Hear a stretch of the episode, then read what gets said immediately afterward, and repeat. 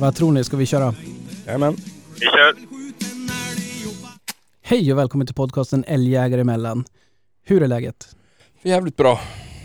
Härligt, på utandning. Ja, jag har sett mig till rätta i den här eh, kanonstolen och en kopp kaffe han har jag. Ja men är gött. Hur är det med dig då Krille?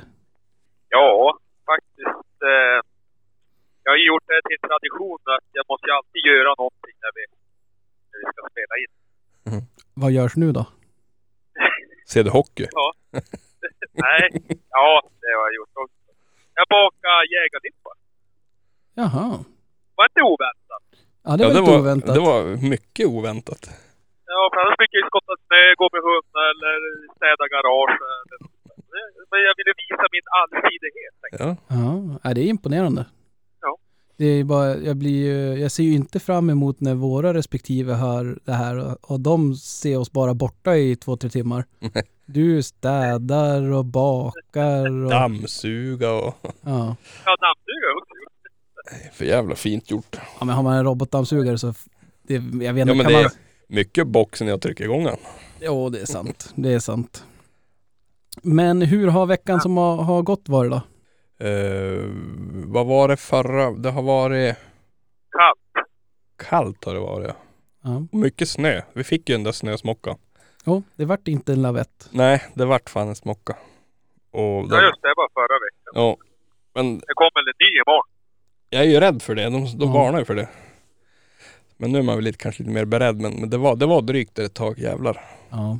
Det var... ja. Det var lite uppförsbacke när man gick ut för att skotta och varken traktorn, grävaren, Mm. ingenting startade. Ja, jag förstår man. Men jag vet inte hur många timmar jag satt på E4. Det var ju stopp Ja. jämt. Men det var ju bara bita i det sura äpplet och sitta och facebooka. Det gick Ja. inte att göra annat. Tufft liv. Ja, jag, vet, jag hade så jävla otur. Det var stopp på E4 och så hade jag en lastbil framför mig. Eh, och så såg jag kön for framför last, lastbilen och så när han skulle dra igång. Då hade han väl stått typ ett Mm. par timmar så då bara klick, halkade han bara ner i diket. Mm. vart det stopp igen. Men jag hade så jävla tur. Jag klämde mig mellan vajerräcke och lastbilen. Okej. Men det var inte mer än ett par centimeter. Ja. Så att ja, två och en halv timme tror jag stod. Ja, ja, det Och då är det ändå, då bor vi ändå i Norrland så att alla Ja. har ju vinterdäck. Eller kanske inte lastbilarna. Nej, de har det väl inte men, men, men det, var, det, var ju, det var ju kaos. Alltså E4 var ju värdelös. Ja. Det var ju hemskt. Jag vet det, jag körde en annan väg när jag skulle in till stan. Mm. Gick hur bra som helst. Jo.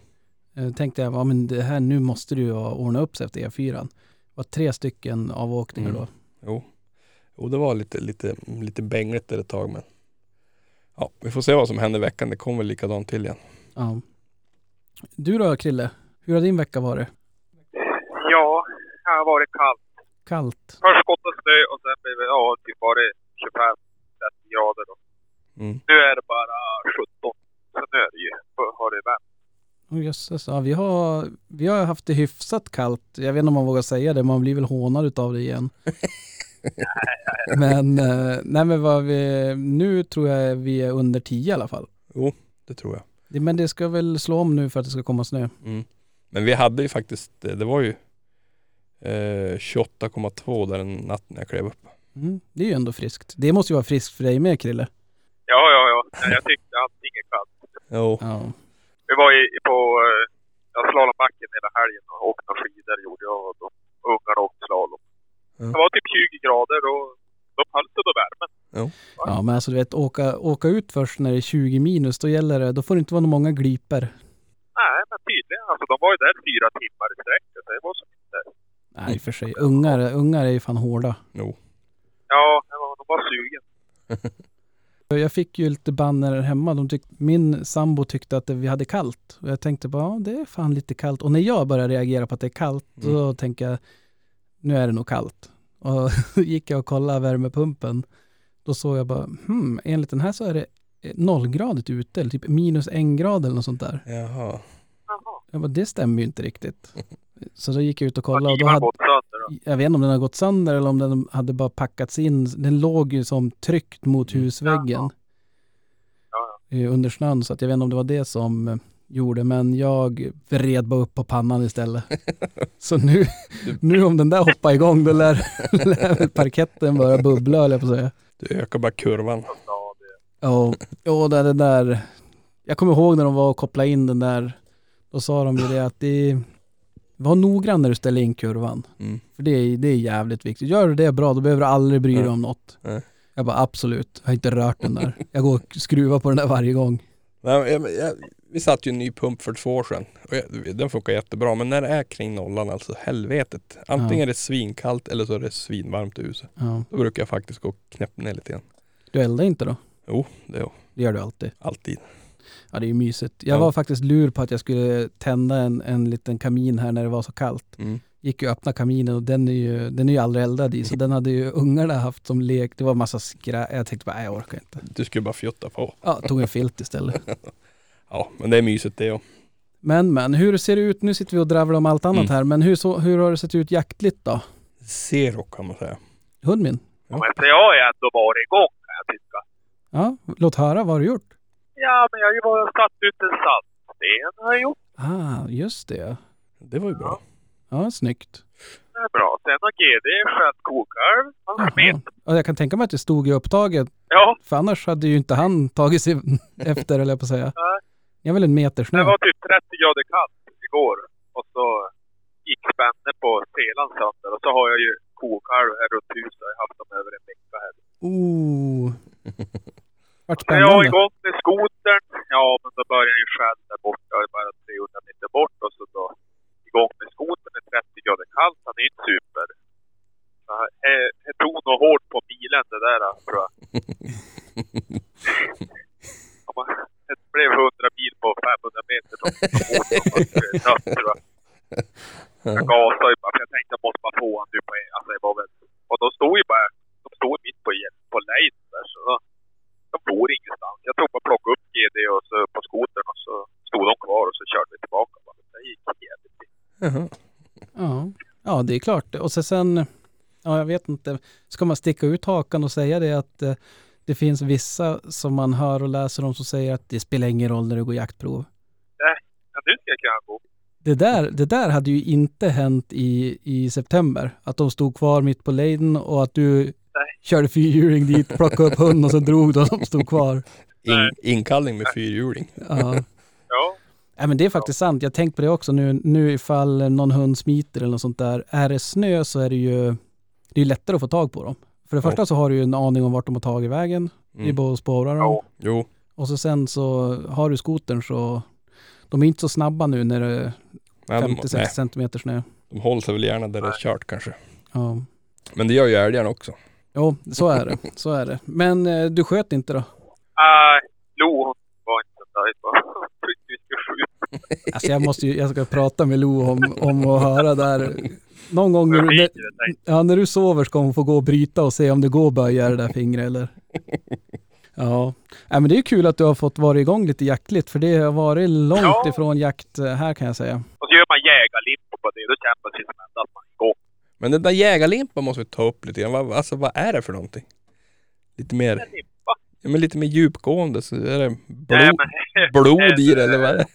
nej, nej, men här är vanlig jägarlimpa i med typ farinsocker och rågsikt. Det var det. Varför heter den jägarlimpa? har gjort den i hela sitt sitt liv. Jag Ja. vet inte. Ah, det var för att när du skulle äta då, då sa de det, men du Krille ät upp jägarlimpan din nu. Ja, precis. Nej, Ja, men här då sitter det på Google också. ja, ja. Nu sitter, nu sitter eh, Micke och googlar friskt här. Ja, jag gör faktiskt det. Jag ska se om det står Ja. Krille där eller först. Har du sett på djävulen? Ja, nej men det... Du, sen inte är så hade ni fått smaka. ja. Jo. ja, det är sant. Men jag äter ju själv. Så det går ju bra det ju. Ja, du får berätta hur det smakar. Mm. Nej, nu, det är precis som du säger. Nu är det verkligen så här, det är tur man, man får surra jakt i alla fall.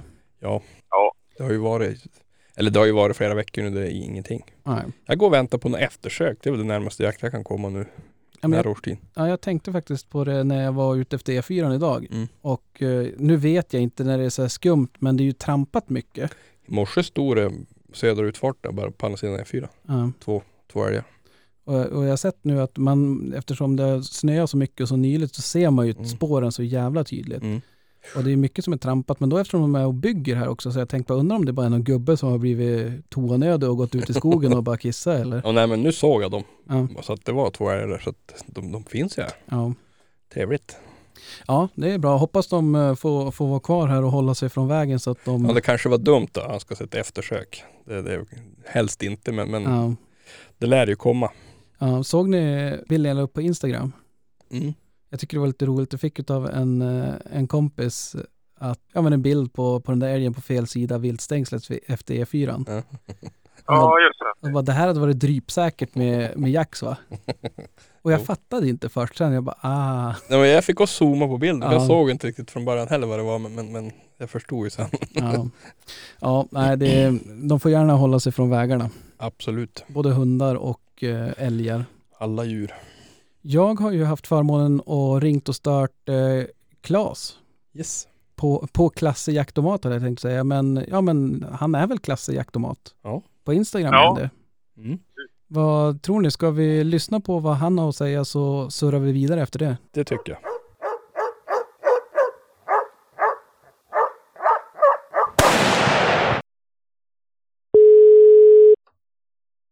Ja, det är klart. Hej Klas! Välkommen till podden Älgjägare emellan. Hejsan, tack så mycket. Hur är läget? Jo, tack, det är bra. Det är bra. Jag har nyss ätit och slagit upp ett glas vin. faktiskt. Men du, det lät inte dumt. Du har klarat dig från skottningen idag? Ja, det har jag faktiskt. Men jag antar att ni har haft det värre. Ja, det har varit galet idag. Idag har man fått eh, skotta hel, hela dagen. Vi kan börja med att fråga, hur har jakten varit i år? Eller i fjol och i år blir det väl? Den här säsongen, Ja, precis. jo, det har väl varit bra tycker jag. Jag har jagat ganska mycket. I alla fall från september till början på december. Ja. Och jag tycker det har varit ganska likt de senaste åren. Ja. Kanske haft lite, jag kan tycka själv att jag haft lite otur med att många ståndskall har hamnat utanför gränserna. Men det är väl så det är. Ja. Jo, det känner man igen.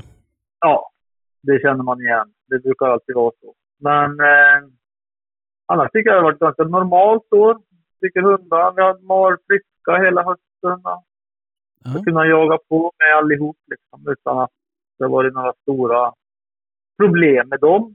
Inga sjukdomar eller några större skador. Så det, Härligt. det är det som liksom är grejen. Annars så blir det ingen jakt. Om de, är, om de står still så blir det inte så mycket jakt. Nej, nej, så är det.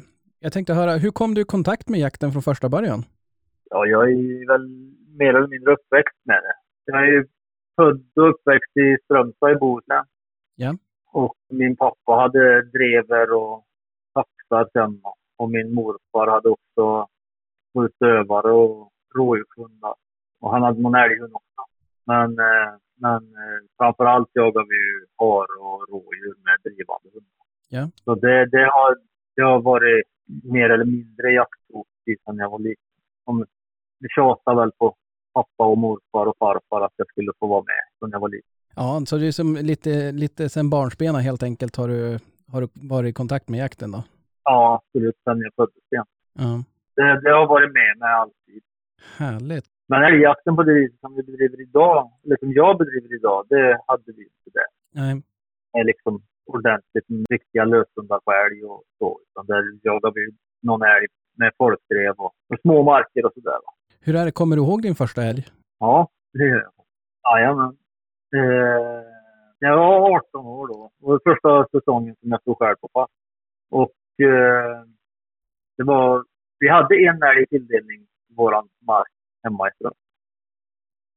Och vi kommer fram till någon gång kring allhelgona eller någonting och vi hade inte fått den där älgen. Nej. Och då sammanföll den dagen vi skulle jaga med att jag var tvungen att vara med på en fotbollsträning. Och det sved lite att jag, att jag fick liksom lägga ner jakten den där lördagen. För att ja, jag behövde vara med på den träningen. Men träningen var ju slut vid 12 eller någonting på förmiddagen eller mitt på dagen. Så då hade de lovat att andra drevet så skulle jag hinna. Jag skulle vara på pass halv ett eller något sånt där. Så jag hem och bytte träningskläderna till jaktkläder och ut med studsarna. Så sprang jag i princip upp till pass. Och jag hade inte mer än egentligen hunnit dit. Jag satte fram en smörgås. Jag hade väl inte ätit efter träningen. så hörde man hur det kom ett par älgar. Det är ju granit och berg i dagen överallt där. Ja. Så precis när jag kom i pass så hade de väl fått fart på ko och kalv. Så det dundrade över bergen och så fick jag se dem komma och så lyckades jag skjuta den här. Härligt. Så det, det var roligt. Ja, Det var väldigt, väldigt roligt. och sen dess är du, är du fast eh, och med älgjakten. Ja, jag bodde ju kvar i Strömstad i ett antal år efter det, så det var inte så mycket älgjakt då. Vi jagar ju rådjur och har till viss del, men eh, mest rådjur. Vi hade både saxar och drevrar i, i familjen, liksom, både jag och pappa och morfar. Så att, eh, jag jagar med drivande hundar egentligen mest. Jag, vi hade en kompis som hade jämthund när jag var där, jag var med honom lite och gick smög och tränade någon älghund och var inne och tittade på något ståndskall. Men det, det kom först när jag flyttade hit till Dalarna. Ja. För mig själv då. Härligt. Jag tänkte det, du, du har ju ett företag du driver som heter Klasse Jaktomat och jag har varit inne på er hemsida klasse.se och kollat lite grann men jag tänkte att du kan ju få berätta lite grann vad, namnet är ju lite avslöjande kanske men jag tänkte om du berättar vad, vad du gör och eh, hur det funkar. Ja, namnet är ju lite kanske, som säga, förskönande. När jag startade företaget 2003 så var ju viljan att kunna jobba med jakt och, som, och guide och laga mat i skogen och det kanske var större än eh, möjligheterna. Ja, Så, men företagsnamnet blev det. Och eh, min eh, huvudsysselsättning i företaget är skogsvård. Vi röjer ju. Jag har flera anställda röjare. ah, okej. Eh, och jag röjer mycket själv också. Ja, Men jag gör ju även en hel del, eh, en hel del är det väl inte längre, men jag eh, har lite uppdrag som guide och kock för eh, ett par eh, jaktarrangörer och tidningen Jaktjournalen som är med. Ja. Och, och hundför jag och lagar mat. Ja, för det är ju väldigt spännande just det där. Jag tror att det är många, många med mig som är väldigt nyfiken just på att kunna hitta en, ett levebröd just när det gäller jakt och, och hundar och, och sådana saker som man är väldigt intresserad av. Ja, det är säkert jättemånga. Och eh, jag kan säga att för min del går det inte att leva på det. Nej. Men under en kort period så kan jag jaga och ha lite betalt under tiden. Ja. Det är ju september egentligen som det är lite efterfrågan på det. Ja. När det kommer utländska gäster hit till Sverige och det är ju egentligen september månad som den stora kommersen i det är. Så, så det är då, då jag har haft mina uppdrag. Och då är uppdragen då, det är helt enkelt att det kommer sällskap hit och jagar och du guidar och eh, står för maten då eller? Ja, jag var inlejd då som kock och guide. Ja, men det låter ju väldigt trevligt. Jag kan tänka mig att man får träffa mycket intressanta människor. Ja, och det är väldigt roligt att kunna guida fram någon sydeuropé på ett ståndskall och den lyckas få skjuta och se glädjen då. Det är ju helt fantastiskt. Ja. ja, det kan jag verkligen tänka mig. Hur ser planerna framåt då? Är det fortsätta och foku eller fokusera, men blir det mest eh, skogsarbete där då med, med röjning eller har du planer på att eh, växla upp när det gäller jakt och eh, matbiten eller? Nej, jag, jag kommer inte växla upp på jakt och matbiten. Det tror jag inte. Men jag vill gärna ha kvar de uppdragen jag har. Eller jag kan väl ta åt mig något nytt också. Det är inte alls det. Det är jätteroligt i så fall om det är någon som behöver hjälp. Så ställer jag jättegärna upp. Ja. Men jag har inte något stort mål med det. Nej. Jag, det har så pass mycket att göra med skogsvården. Det rullar liksom på under hela, åtminstone hela barmarkssäsongen. Och vi röjer ju fortfarande nu i snön. Så att eh, det är, det är nästan hela året nu för tiden. Det är i alla fall tio månader om året det Ja. rullar. Ja. Jag har så mycket med det och sen har jag lite något cateringuppdrag någon gång. Och jag jobbar lite på några krogar och skidanläggningar ibland. Jag brukar göra det på vintrarna när det är lågsäsong på röjningen. Brukar jag jobba som ren kock då på något, något annat ställe.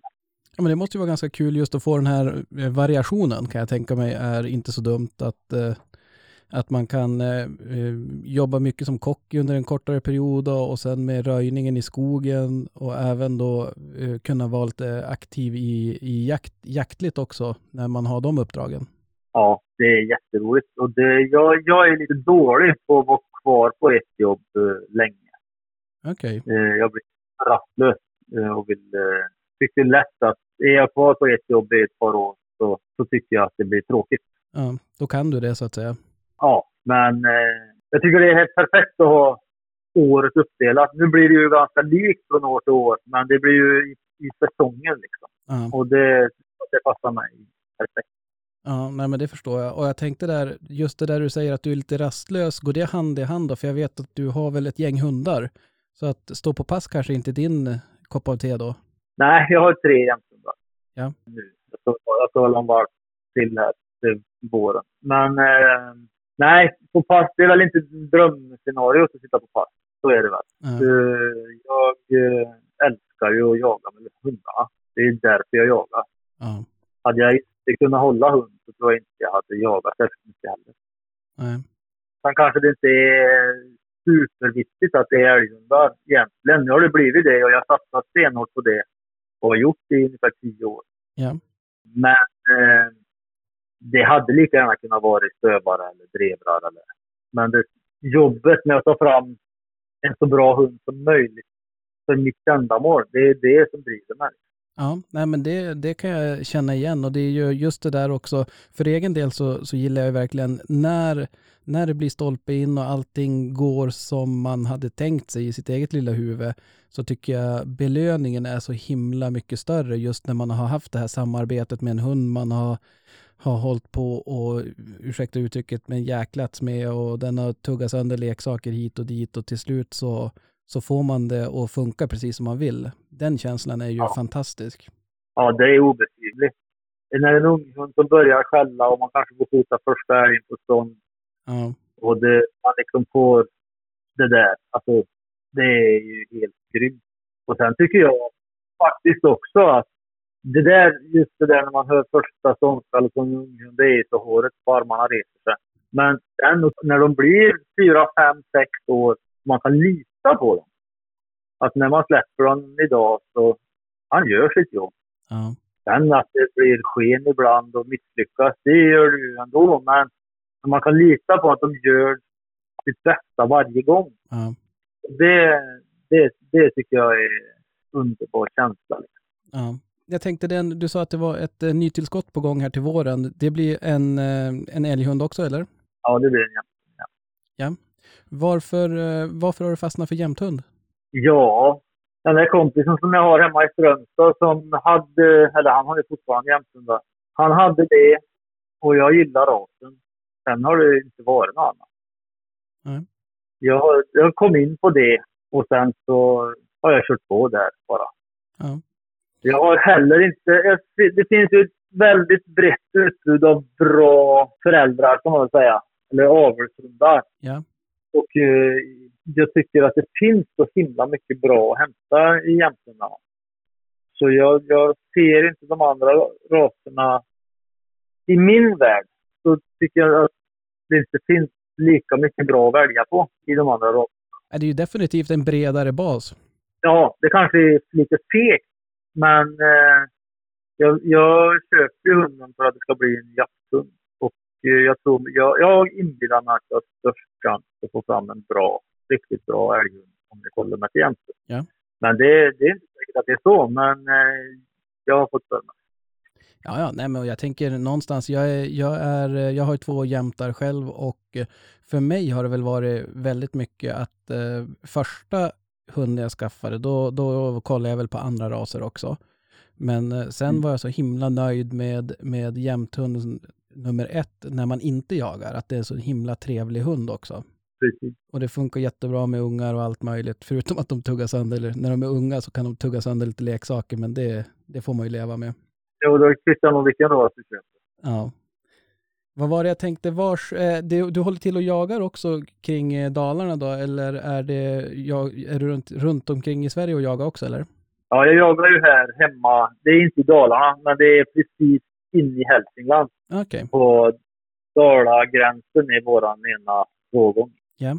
Jagar från Dalagränsen och norrut. Där har vi en jaktmark. Ja, Så det här är, det är min hemmamark. okej. Så är jag ganska mycket i Norrbotten. Okej. Hur kommer det sig? Har du någon, eh, nå, någon kompisar där eller hur, hur kommer det sig att du åker upp till Norrbotten och jagar också? Ja, anledningen till att jag ville bort härifrån eh, en del, det är ja, för det första, det går ju inte att jaga här på hemmamarken varje dag hela året. Nej. Och eh, så har vi ju så mycket varg här. Så jag vill ju ha, jag vill ha jaktmark där jag slipper oroa mig varje gång.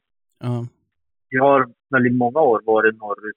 Med det här jobbet jag har i september så ofta är jag ju i Jämtland och guidar. Så då är jag ju, då är jag ju där eh, och slipper vargarna. Men eh, jag la faktiskt ut en blänkare på Facebook för ett antal år sedan okej. och skrev att jag, jag var intresserad av mer jakt norr om vargbältet för att kunna jaga med hundarna som man vill jaga med dem. Inte bara åka och hämta dem så fort de är borta och Ja, ska kunna låta, låta dem gå tillbaka själva ibland. Och, sådär.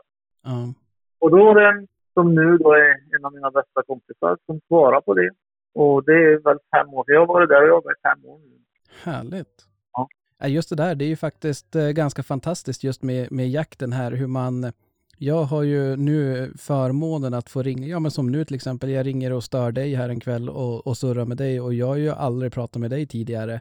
Men man upptäcker snabbt hur lätt det är och hur kul det är att prata med, med egentligen helt okända och nya människor. Men jakten förenar ju väldigt enkelt. Ja, ja, absolut. Det, har man ett gemensamt intresse som det här så då det, finns det ju oändligt att att ösa ur för att kunna, att kunna prata. Det, så är det. Det går att prata hundar och jakt hur mycket som helst. Ja, ja, det kan du fråga min sambo om höll jag på att säga. Ja. Men eh, du säger att ni har mycket varg hemma alltså. Mm. Hur ser du, ser du på framtiden då med just möjligheten att släppa och, och jaga med lös hund? Ja, möjligheten att släppa är ju, vad ska man säga, ska vi jaga här så måste vi ju släppa. Alltså, ska man jaga här så får man ju lov att släppa, annars så får man sluta. Då. Och då får man, antingen får man sluta eller får man ta risken varje gång. Och jag har ju valt att ta risken. Jag har ju valt att jag fortsätta jaga här hemma. Jag blev av 2014. Det tog vargarna en egentligen för mig. Eh, och då, det var ju fruktansvärt hemskt. Ja, Det är det hemskaste jag varit med om jaktligt. Då fick man ju liksom en tankeställare. Vad man göra? Ska jag fortsätta jaga här eller ska jag fortsätta hålla hundar överhuvudtaget? Ska man lägga av? ja det förstår jag. Men eh, jag bestämde mig ganska snabbt att ger jag upp, ja då har ju... Alltså, det, här, det måste ju hända någon olycka ibland för att det ska kunna... Att debatten får hållas vid liv eller, vad vad ska man säga. Ja. Händer inga olyckor finns det inget, är det inget problem. Nej, nej, men så är det ju. Och slutar vi släppa hundarna och faller till föga, liksom, ja, vi får sluta. Ja, då kommer det aldrig hända någon olycka. Och då finns det inget problem. Ja. Och men å andra sidan, å andra sidan kommer vi inte kunna få livet ur så många älgar heller då, som vi ska. Nej, det där är ju, det är ju just den här varg, vargproblematiken som, som enligt min, min syn på det verkar växa bara. Att det blir fler och fler och att de sprider ut sig mer och mer också. Nu, jag menar, nu är det väl eh, planen att det ska finnas ett, ett revir i, i Jämtland också. Ja, jag har hört om det där i Jämtland. Ja. Men jag vet inte, det blir svårt med renskötsel och allt. Ja, att man ska ha ett vargrevir i, i renbetesland, det känns ju som att det behöver man ju inte vara någon eh, Nobelpristagare för att lista ut att det kommer inte att funka bra. Nej, det kommer inte funka bra. Men det fungerar ju ungefär som det här nere i Sörmland. Det var ett vargrevir där, eller det är väl säkert kvar, som gick in på en stor fårgård. Höll ju över tusen får och gick in där och röjde. Och det var ju inte frågan om. De fick ju lägga ner sin fårskötsel. Eh, Huvudligen. Ska varje, vargpolitiken göra så att vi får sluta jaga eller att tamdjursskötseln inte, inte går att bedriva? då kan det inte vara rätt. Va? Och som, så som vargstammen ökar idag så är det ju, det, det är ju nu, det är hemskt. Ja. Sista två helgerna jag jagade på våra mark här, det var i slutet på november och början på december. Då hade vi lite snö och det var ju nya spår i princip varje dag. Ja.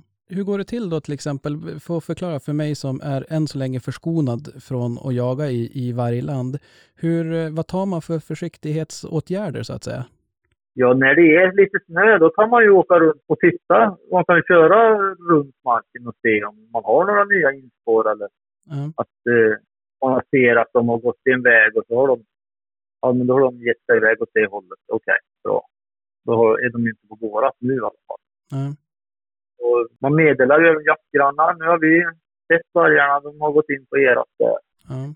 Och eh, då ser man att man har vargspår in, då jagar man inte där. Ja. Det, då, då får man ju låta bli helt enkelt. Men annars så, vi har ju en ganska stor mark här, så är det vargspår i kanten på ena sidan, då får man ju jaga så långt som möjligt åt andra hållet då. Ja. Men visst, jag, mina hundar hänger ju på långt och det, det kan ju hända. De är, alltså, vi kommer, kommer aldrig kunna friskriva oss att nu har vi spårat av så att det är tomt. Det, det går inte att veta. Nej, och det, framförallt så går det ju bara när det är snö. Ja visst, vi har ju såklart haft lika mycket varg hela hösten. Men det har ju varit barmark, så då går det ju ändå att tänka bort det och Ja. Vi har inte, man ser inga, inga rivna älgar, man ser ingen vargskit i vägarna och sådär. Ja, men då, då, det kanske är lite lugnt nu då. Ja. Men så fort snön kom så är det svårt, eh, inte överallt, men ofta på många ställen. Ja, nej, huvudligen. Jag hoppas verkligen att, eh, att det kommer någon, någon slags eh, lösning på det där. För jag brukar säga det, och det har jag sagt tidigare också här i podden, att jag har lite svårt att förstå just folk som vill ha varg. Att eh, det är ju egentligen bara en, en eh, rent eh, romantisk och filosofisk fråga. Att ingen, det är ju som du säger, är det inte snö så du ser ju inte ofta en varg. De är ju ganska bra på att hålla sig undan tills det är för sent så att säga. Ja, ja, ja. Och det är väl egentligen, jag tänkte, jag leker ofta med tanken att vi kan ju bara säga att det finns varg. De som, de som vill ha varg är ju de som oftast bor ganska långt ifrån dem. Så att eh, om de bara får leva i den illusionen av att det finns jättemycket varg ute, ute i landet så då behöver vi kanske inte ha dem ens. Nej, alltså för min del behövs de ju absolut inte. Sen, hur många de än blir så kan inte jag hata djuret varg, liksom, som många gör. Kanske en hat, ett hat mot djuret varg, att det är ett hemskt djur. Alltså, jag kan fascineras av att de är överlevare och de är grymma jägare och de, hur de överlever liksom och familje, hur de sköter sina familjer och hur det fungerar. Det är bara lite fascinerande. Ja, Men det är ju politiken som gör att vi måste ha dem.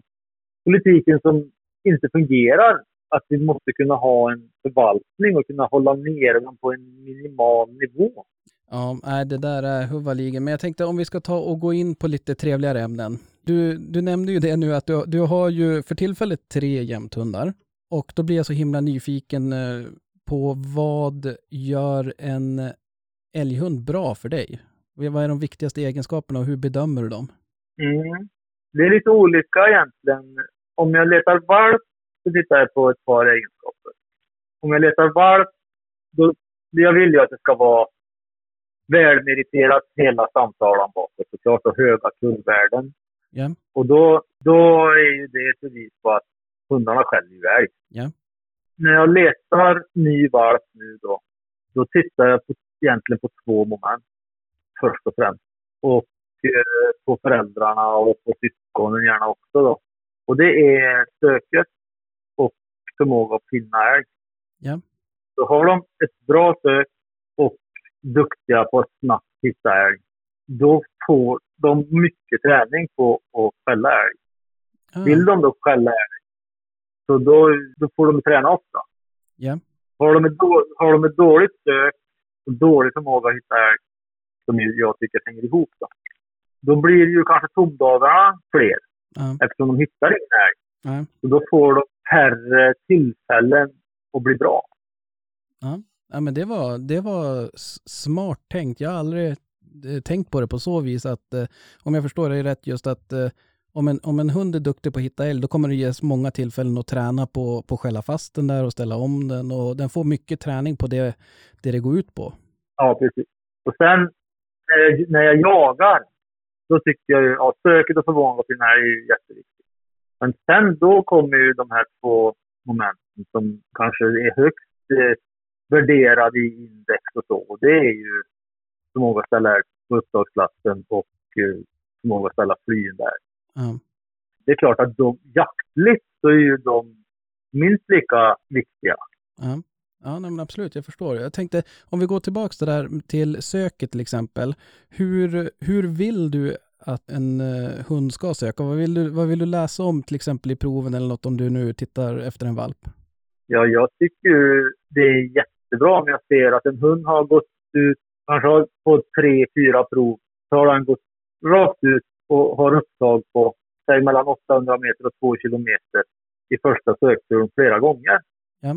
Det, då, då, när han kommer ur kopplet då, då vill den jaga älg. Precis.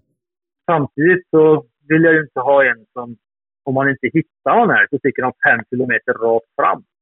Det är ju inte det jag vill. Han ska ju leta av terrängen i ett bra tempo, men han, för min del behöver han inte nödvändigtvis komma tillbaka varje kvart och hälsa på. Men eh, han ska ju leta av terrängen då. Ja. Kanske upp i ett berg där och så runt, eller alltså, förstår du vad jag menar? Ja, men jag, jag, jag tror jag är med. Format framför mig liksom. Ja. Men eh, visst, att om han kommer in efter en, gör en tur på två, tre, fyra kilometer och sen kommer in då, då kanske man kan styra han att han, då har ju jagat av en ganska stor yta. Då kan man ju kanske flytta och prova på ett annat ställe eller gå fram och börja om. Ja. Men jag, jag tycker att det är viktigt att de, let, att de har motor, att de letar älg. Att det är det, när de kommer ur kopplet så ska de leta älg. Ja. Det, det, det, så vill jag ha det. Ja, nej men det, jag håller med. Och där hade vi en liten diskussion i något, jag vet inte vilket program det var riktigt, men där vi, där vi diskuterade där, för, för jag har ju tidigare, man är ju inte sämre än att man kan ändra sig, men tidigare har jag alltid kollat lite grann på Krilles hundar med Hälleforsare som har ett, eh, jag ska inte säga kontaktsökande, men alltså de eh, har ju ett sök som kanske inte är lika långt som, som min hund till exempel. Och eh, det, det som eh, var tydligt när vi pratade med Jonathan just hur hans hundar jobbar så är ju det det var då nå- någonstans jag ändrade mig där att jag har inga problem ifall hunden, om det blir ett streck på pejlen, så länge jag vet att hunden verkligen är ute och, och letar älg. Det är, det, som, där, det är väl det som är det viktiga om jag ska se till, till mina egna önskemål så att säga. Och vet jag att hunden är ute och letar älg, ja men då, det är klart man behöver inte vara flera mil bort, men Nej, nej, nej, det är det jag menar. Det, det är ju ingen vits med. Det finns ju ingen anledning att han springer rätt åt helsike 5, 6, 7 kilometer. Liksom. Det, det, det blir för långt. Va? Och samtidigt, jag vill ha ett stort och snabbt och vitt sök. Men det är ju på de markerna jag jagar. Ganska älggles och stora marker. ja, Skulle man jaga i... Skulle jag jaga hemma i Bohuslän skulle jag inte kunna jaga med en sån.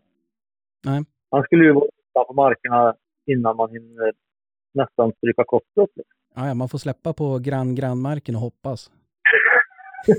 Ja, men alltså så, vi har ju så olika behov av var vi jagar. Ja. Det är ju det som är. Och, men mitt, jag utgår ju från mitt behov och då vill jag ha en hund som letar ordentligt. Ja. Jag tror att det där är ett jättebra, en jättebra poäng du gör där just med, för, för vi alla har olika behov och ofta tycker jag, framförallt i sociala medier, då, då fastnar man i diskussioner om, ja men till exempel här, vad är, vad är en, en bra älghund? Och det är därför jag vill vara så tydlig med att lägga till för dig, för, för, för vi alla har ju olika behov och olika marker, olika förutsättningar och ol- olika, alltså vi föredrar att jaga på olika sätt. Ja, visst, absolut. Och det, det är ju det som är att dra också med jämthundarna. Eller det, det kanske det är med andra raser också, men jag är inte insatt i de andra raserna. Det är ju att det finns ju verkligen. Det finns ju linjer som lämnar valpar som är väldigt självständiga och som ger sig iväg långt. Och det finns även trångsökta. Ja. Det kanske blir vanligare och vanligare tycker jag nästan. Att det blir trångsökta hundar. Men eh, man kan ju välja föräldradjur efter vad man har för egna önskemål. Det är ju en väldig fördel. Stor ras.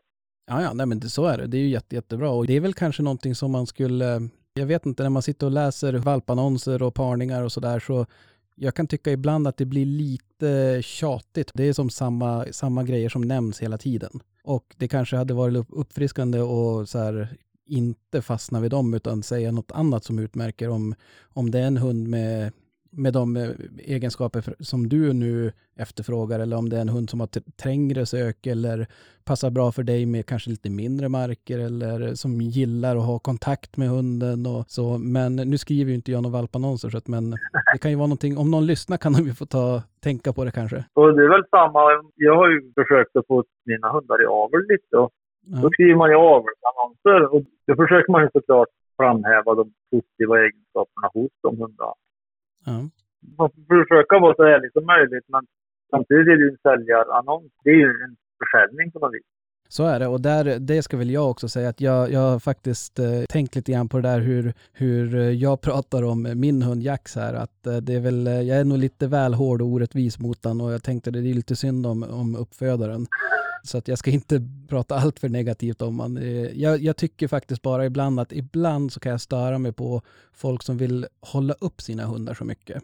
Och är det då inte att jag, som nu till exempel, om inte jag ska para eller någonting, så då, jag har som inget, eh, jag har inget behov och jag har ingenting för att skryta upp han. Utan jag är snarare åt andra hållet att eh, ska man fara och jaga med några som man inte kanske jagar med i vanliga fall så, så sänker jag gärna förväntningarna lite grann sänker man förväntningarna lite då, då har man ju större chanser att det blir bra. Exakt, exakt. Så jag förstår på dina kollegor där i podden så är han inte så dålig den jag.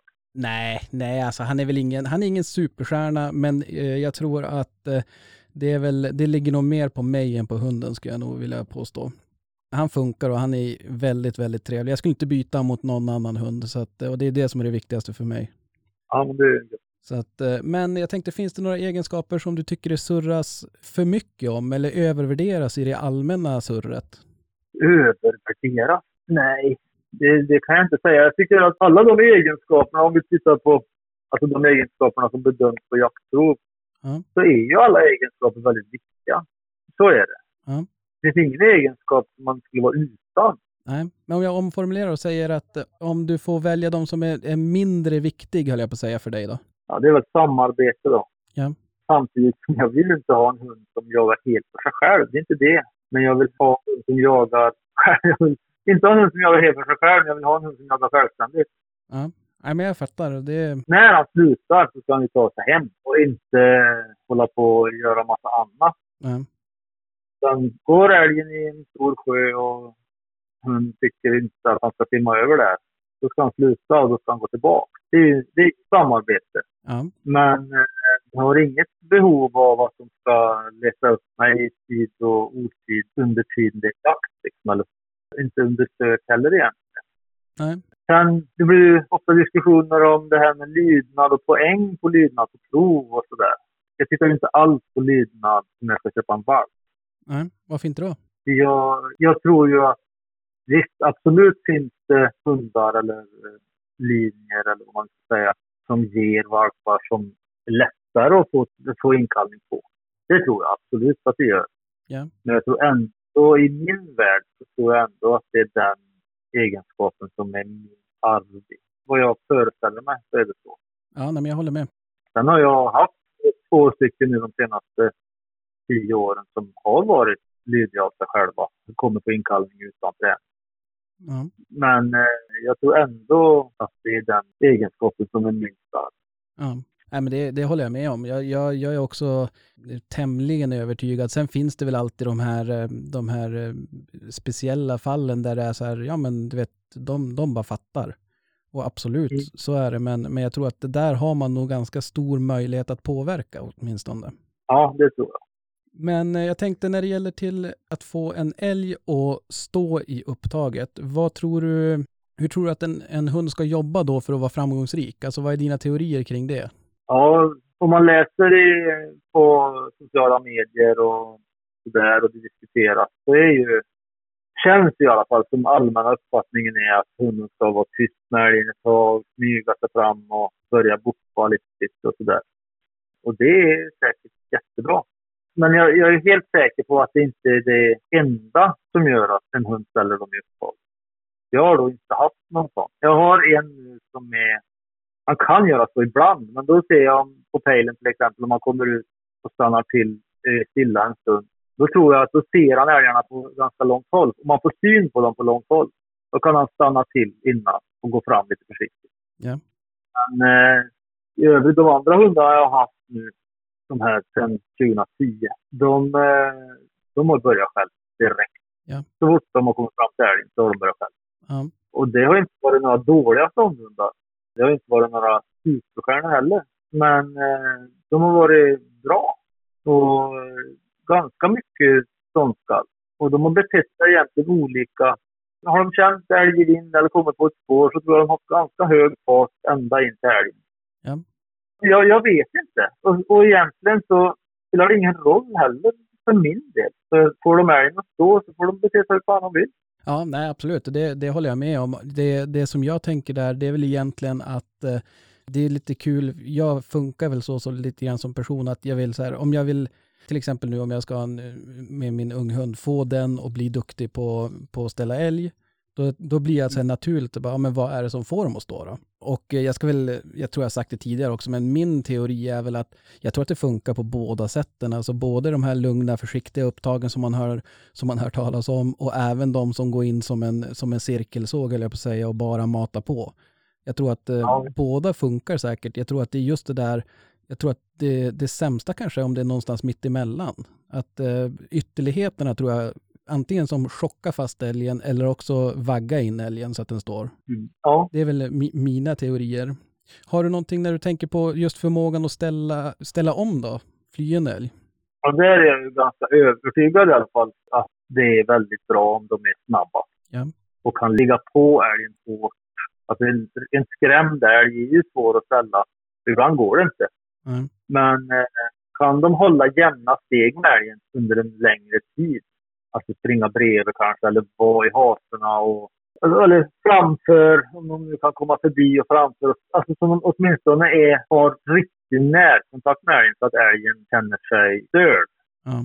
Då tror jag absolut att det är det bästa. Nej, det, jag håller med. Lullar de efter så tror jag att det är mycket svårare.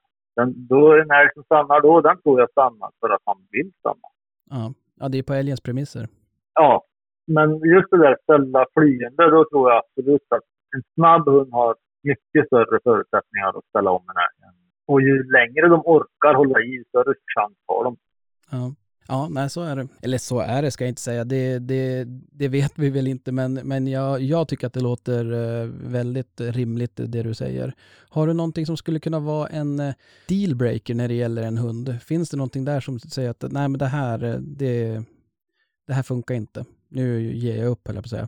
Ja, ja en, en sån grej är ju kanske det här med självständighet då. I så fall, om man har en hund som bara drar åt helsike. Ja. Alltså då är han helt värdelös. Alltså, jagar på älgglesa marker och han sticker en mil rakt fram innan han träffar på första älgen och så tar upp älg där borta. Och så är han superenvis då. Så då är han ju borta. Då jagar han inte alls på våra mark. Det kanske låter som att jag pratar emot mig lite. Men eh, jag vill ha självständiga hundar men de får inte vara idioter som drar åt helsike. Ja. Eller att de inte har något sök alls då. Att de går i kringen får man ju järnbryt. ja, men det känns ändå på något sätt känns det lättare att, eh, att jobba med, på, på, alltså förändra det beteendet. För då är de ju åtminstone i, då har man ju kontakt med dem. Då är det väl det klassiska att man tar fram en bok och sätter sig och bara väntar eller låter någon annan gå med dem eller något sånt där. Jo, jo. Men jag menar om det kommer till det att det faller igenom Ja, så att man inte kan kvar. Då, då blir det ju att då har man ju provat det. så är det. Och det är ju som sagt, eh, det är ju inte, det är inte första gången som det blir en dealbreaker på så vis, utan det är ju ifall man inte lyckas bryta, bryta det mönstret. Mm, absolut. Ja, man lämnar inte bort honom efter nej, han sökte inte idag. Nej. Då, eller han satt på helsike idag en gång. Nej. Det går inte. Nej. Utan det får vara ett, eh, ett beteende han gör ofta då i så fall. Så Ja. att det blir oanvändbart. Jag, jag tänker där, du var inne lite grann på det tidigare när det gäller just eh, inkallning till exempel och lydnad, att det är någonting som du tror, om jag förstod dig rätt nu, sitter ganska mycket i, i ägare eller hundförare. Ja, det tror jag. Hur ser du på fördelningen mellan just eh, arv, avel, alltså arv, då menar jag typ genom avel och gener, kontra miljö och då menar jag ägare och hundförare. Hur mycket tror du sitter i, i själva aveln kontra den som, den som köper hunden? I procent kan jag inte säga. Nej. Men eh, jag är ganska övertygad om att får man köpa en valp ifrån riktigt bra föräldrar så har man en större förutsättning att det ska bli en bra. Ja, Det tror jag absolut. Men sen måste de ju vara i skogen. ja, De kan inte bli bra i hundgården. ja, Det kvittar vad de har för blod om de får stå i hundgården. Det blir liksom inte bra då.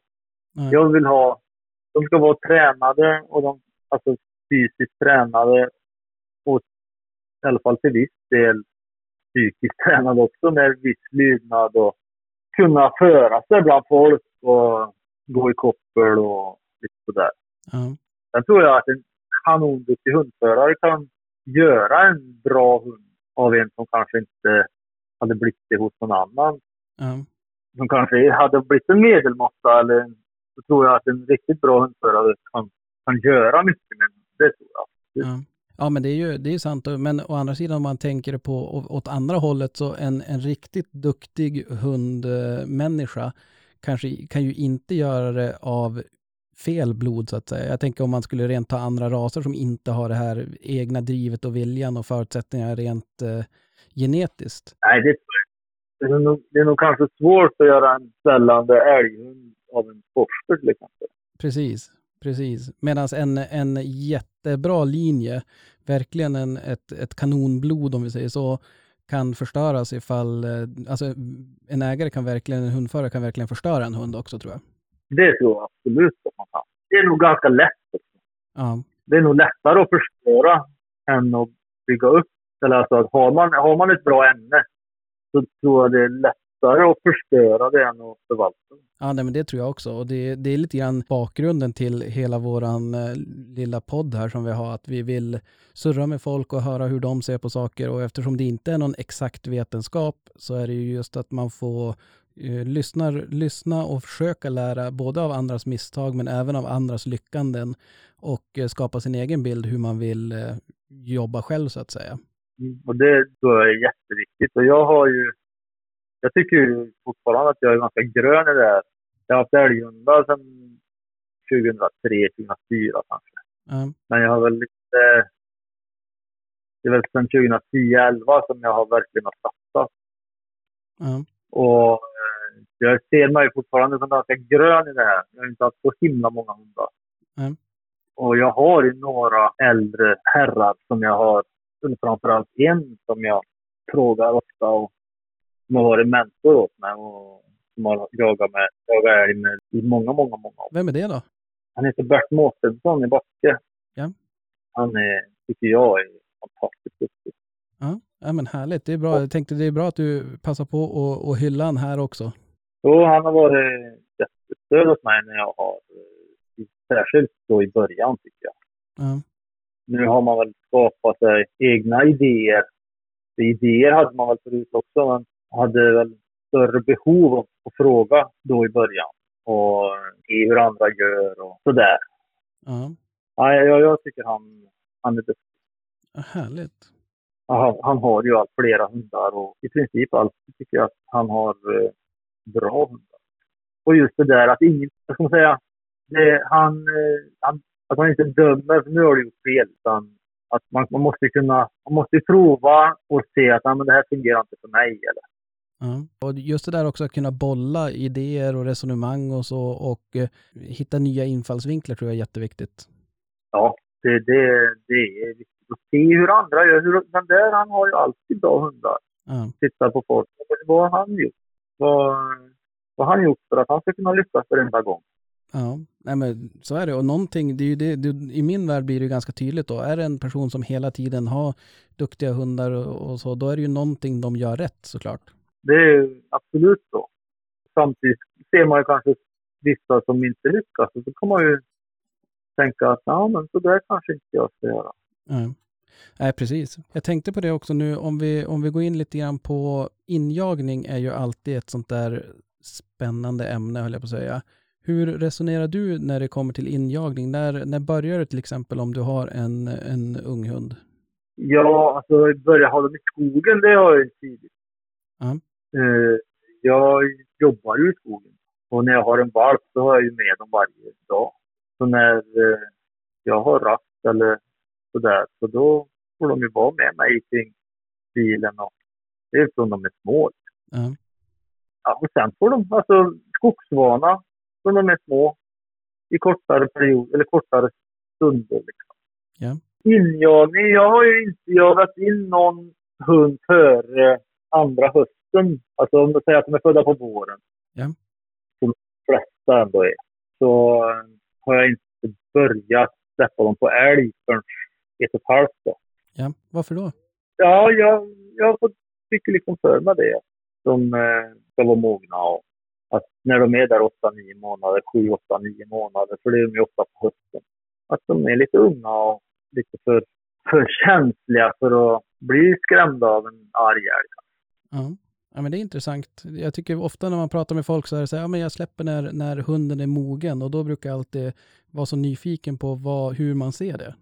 Mm, det är jag också nyfiken på. Så att, och jag har, jag har gjort exakt likadant nu som, som du har gjort med, eller som du brukar göra då med, med min unghund Zero här som jag inte har släppt på älg någonting i år. Utan det blir nu till hösten istället när den är då, när han är då, ja men vad blir han, en och 1,7 år eller något sånt där. Ett år och sju månader eller Ja. någonting. Ja, precis. Av den enkla anledningen att jag inte är person att kunna bedöma om han riktigt är mogen. Då tar jag lite det säkra för det osäkra. Ja, så jag, jag har också gjort så. Och det har ju fungerat, helt klart. Det, när jag har börjat jaga med dem då i augusti, september, när de har varit runt ett och ett halvt år, då, då de har ju i princip så har de ju fungerat. Ja. De är ju oerfarna och de kan inte allt. Men de, då har de fällt älg liksom, då. Ja. Sen kommer det ju allt eftersom under hösten. Men jag har faktiskt tänkt att jag ska... Om jag får en valp nu här, som blir född ganska tidigt på året, så ska jag faktiskt prova och börja tidigare med nästa valp. Bara för att prova. Om, den, om det nu visar att... Visst, jag vet inte om jag kan se om den är mogen. Men jag ska i alla fall se att den inte är supervalpig Ja. eller jätte eller man kan väl se om de är väldigt omogna liksom, eller valpiga i sättet. Då Ja. kanske det inte är läge. Liksom. Men jag har tänkt att nästa valp ska prova med lite mer och prova att de ska få fälla älg första. Man måste ju ändra sig. Man, Ja. man kan inte göra lika varje gång. Lär ju testa. Ja. Om vi leker med tanken de här hundarna du har haft eh, tidigare, år, år två då, eller som nu den kommande, när du väl känner att nu vill jag släppa och att eh, hunden ska få kontakt med älg, alltså in, rent eh, konkret in, börja själva injagningen. Hur, Mm. eh, hur gör du då? Har du något knep eller går du ut och släpper vind för våg eller eh, hur, hur resonerar du då? Ja, alltså i början då, när de är små, då försöker jag ju släppa där jag tror att det inte finns älg. Ja. för att de inte ska hitta älg. För att de ska vara trygga i skogen. Ja. Men när jag kommer ut fram dit där jag vill att de ska hitta älg, då släpper de och låter dem söka och förhoppningsvis finns det i det området då. Som de får leta upp själva. Liksom.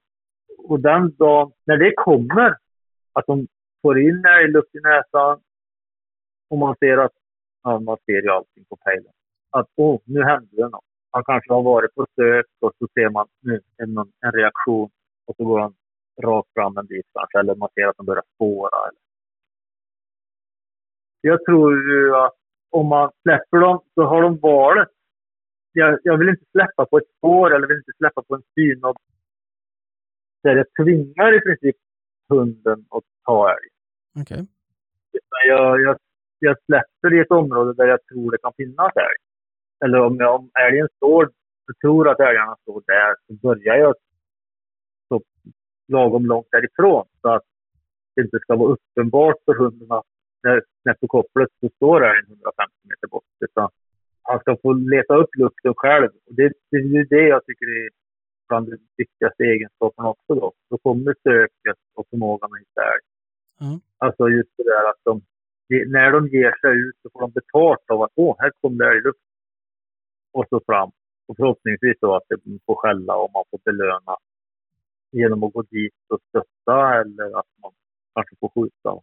Ja. Ja, det är spännande för jag eh, har ju som eh, mentalt har jag ju länge jagat in min unghund här men min plan nu är väl egentligen att eh, försöka hitta, alltså verkligen styra, styra han direkt på älg så att säga. Att försöka antingen mm. någon flyktlöpa eller att man precis tvärt det du säger egentligen. Och ja.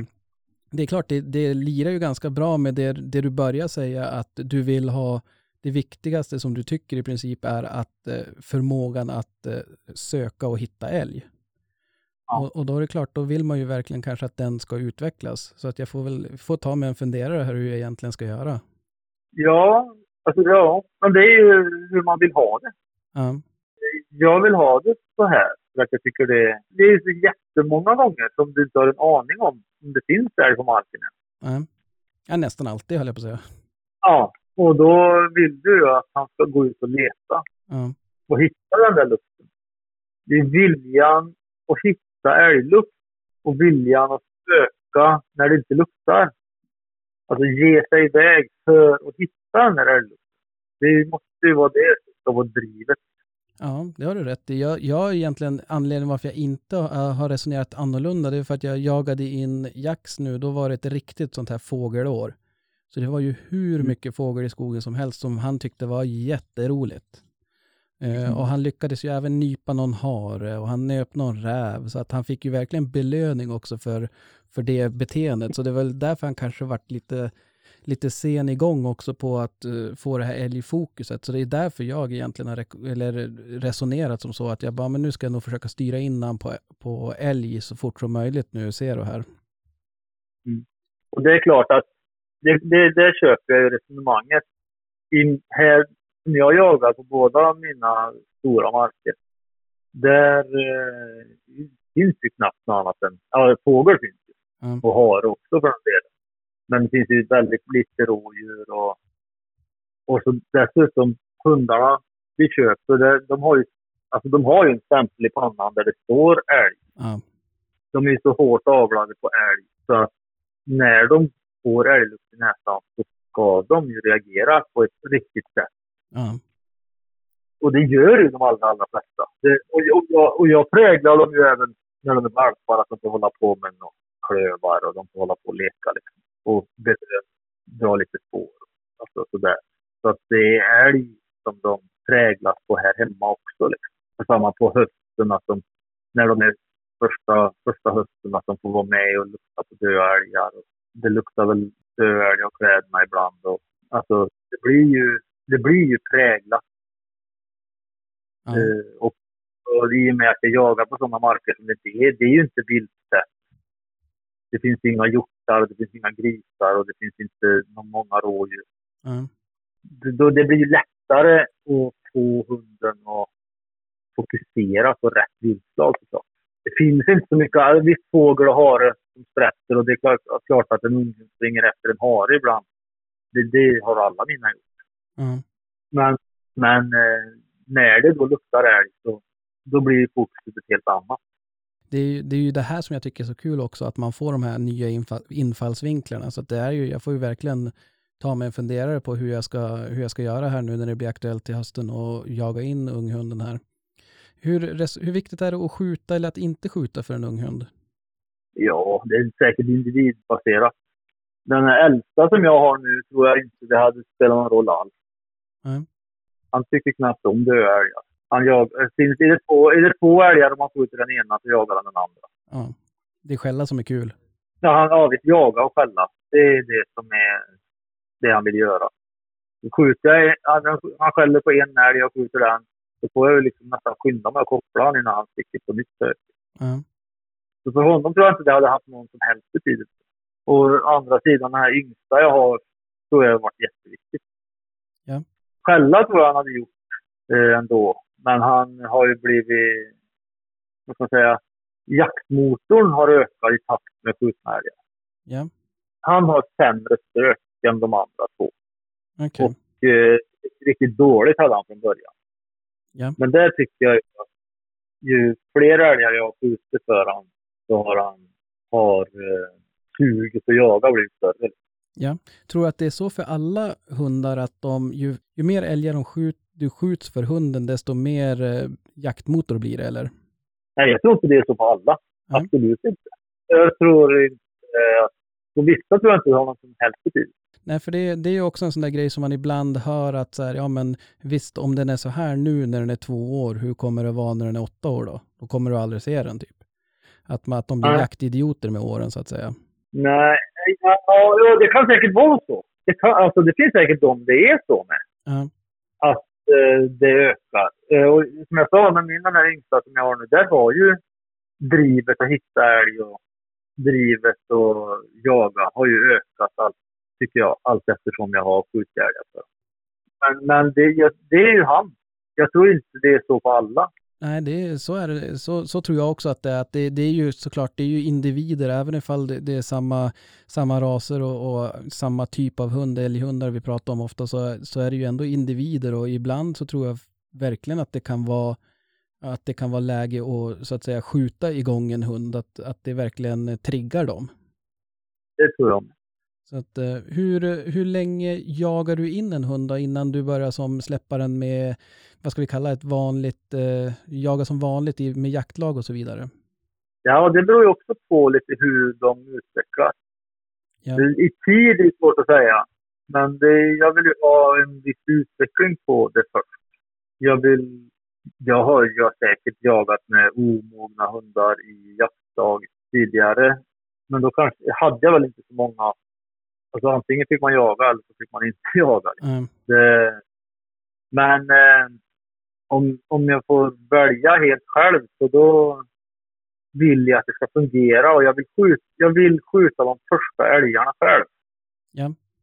Så att man får skjuta älgen och man får ta ut tillsammans och man får göra det där. Så att när det smäller, att man, första gångerna det smäller, det är ju något nytt som händer. Ja. Och att det är jag som är där när det har smullit. Ja. Första gången kan det ju bli en otäck upplevelse. Ja, absolut. Det kan vara lite läskigt. ja, tills de fattar liksom att oj, ja men det där, det där, den där smällen gjorde ju, det var ju bra. Ja. Vad glad husse blev. Ja, precis. så därför vill jag att det ska vara så kontrollerad situation som möjligt. Så att när, älgen, när det blir en påskjutning första gången, att det är jag som gör det och att får eh, ta hand om det tillsammans. Och gärna de, de två, tre, fyra första i alla fall. Ja. Så att det blir en, så det har hunnit börja bli en vana för hunden. Man vet vad det handlar om. Ja. Sen om det händer redan första säsongen eller om det går till tredje säsongen. Det beror ju på hur utvecklingen är på hunden. Ja. Och det, jag kan tänka mig att det blir lite lättare också som nu om man har tre hundar, att man har du, har väl, du lär ju ha Mm. då två stycken som, som funkar som, som vanligt så att säga. Då, då är det ju lättare att ge den tredje eller som nu då, den fjärde mer tid. Mm, absolut. Det är mycket lättare när man har flera. Då kan man ta de här gamla rutinerade, de, det spelar ju ingen roll Ja. hur det går. Så länge, så länge passkyttarna inte skjuter hundarna. Precis. Så då spelar det ju ingen roll. De har varit med förr. De vet vad det handlar om. Ja. Hur viktigt är det att det för, för de här unga hundarna eller för under injagning, hur viktigt är det att, att hunden har, är det skalltid innan eller eh, att det ska stå helt stilla eller hur, hur resonerar du där? Jag skjuter första bästa älg. Ja. Om, är det ett upptag och det kommer rätt på mig, då skjuter jag först. Ja. Då skjuter jag älg. Det, om det så är tyst alltså. Men jag vill inte skjuta efter, om tar upp en älg och det blir spring i 5-6 kilometer eller mer och skjuta älg efter det. Det ser jag inte som en bra belöning som Ja. första älg. Men är det ett upptag och det kommer i knäna på mig, så då, då skjuter jag. Ja. Ja. Även, om det, även om det är första älgen. Ja. Sen såklart, det tror jag inte det är bra om man skjuter flera. Alltså att det fortsätter så. Att man skjuter springälgar. Alltså även om det är korta, Ja. korta förföljare. så tror jag inte det är bra om man gör det hela tiden eller att det blir ofta. Ja. Men det, det blir inte ofta heller. För eh, hur många gånger springer älgarna rätt i knät på det sättet? Så det är inte så ofta det händer. Ja, det är väl i princip bara, höll jag på att säga, när du har en ung hund. Ja, om, om det inte blir så långt bort. Ja. För annars är det ju, ska du komma till skott själv så får du ju lov att fälla.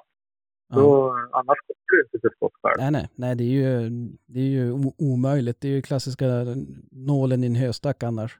Så att, eh, Ja. Men vad tror du är de vanligaste misstagen eh, som, eh, som sker när det gäller in, injagning? Jag vet inte. Misstagen när det gäller in- injagning i så fall, det tror jag är att man jagar för lite. Ja. Och för lite ensam. Ja. Det, det tror jag i så fall. Ja, det tror jag är väldigt vanligt.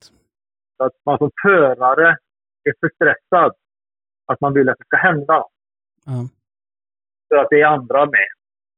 precis. Och då vill man att, att det ska bli resultat snabbt. Och det kanske det kan vara ett av de största misstagen. Och det, men jag förstår de hundförarna.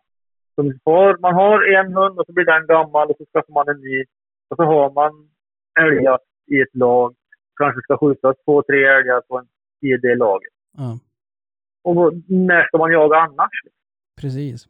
Men det tror jag är lätt att hunden känner av stressen. Ja, ja det, det tror jag är jätte, jätteviktigt och tydligt och det tänker man kanske inte alltid på att, att hundar känner ju verkligen in.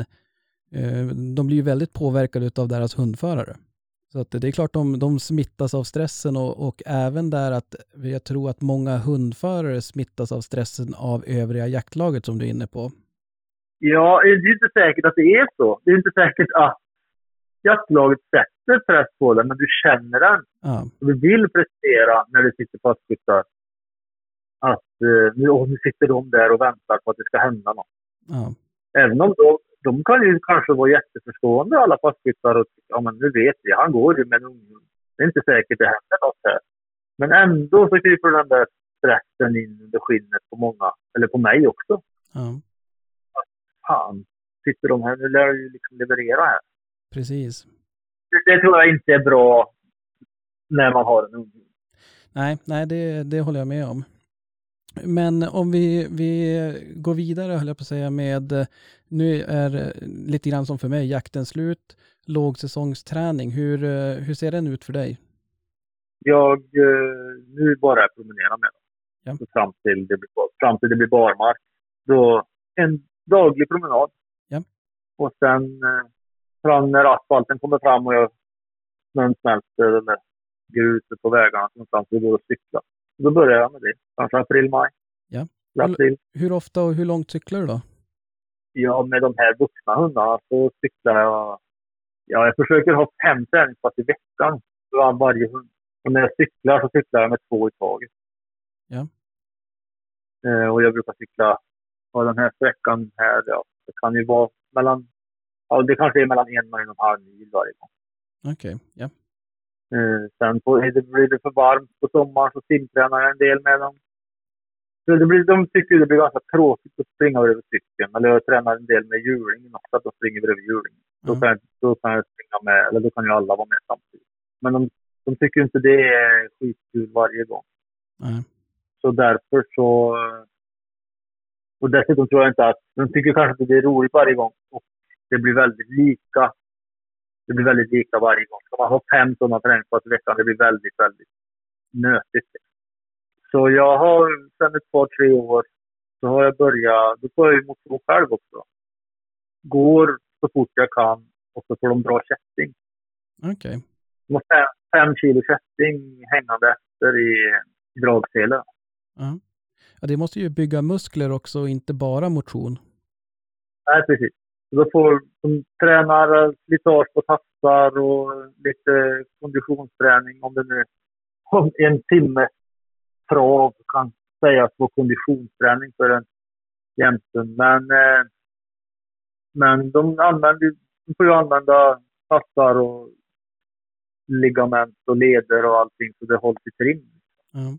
Men så bygger de, absolut bygger de mer muskler när vi drar setting. Det, det tycker jag har gett bra resultat. Har blivit lite, jag tror faktiskt att har blivit lite snabbare, lite explosivare.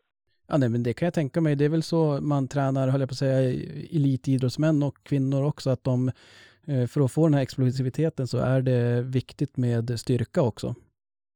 Ja, så det, och det tror jag, då blir det, om jag kör fem träningspass i veckan, så blir det ju ena veckan två löpning och tre kätting och tvärtom. Ja.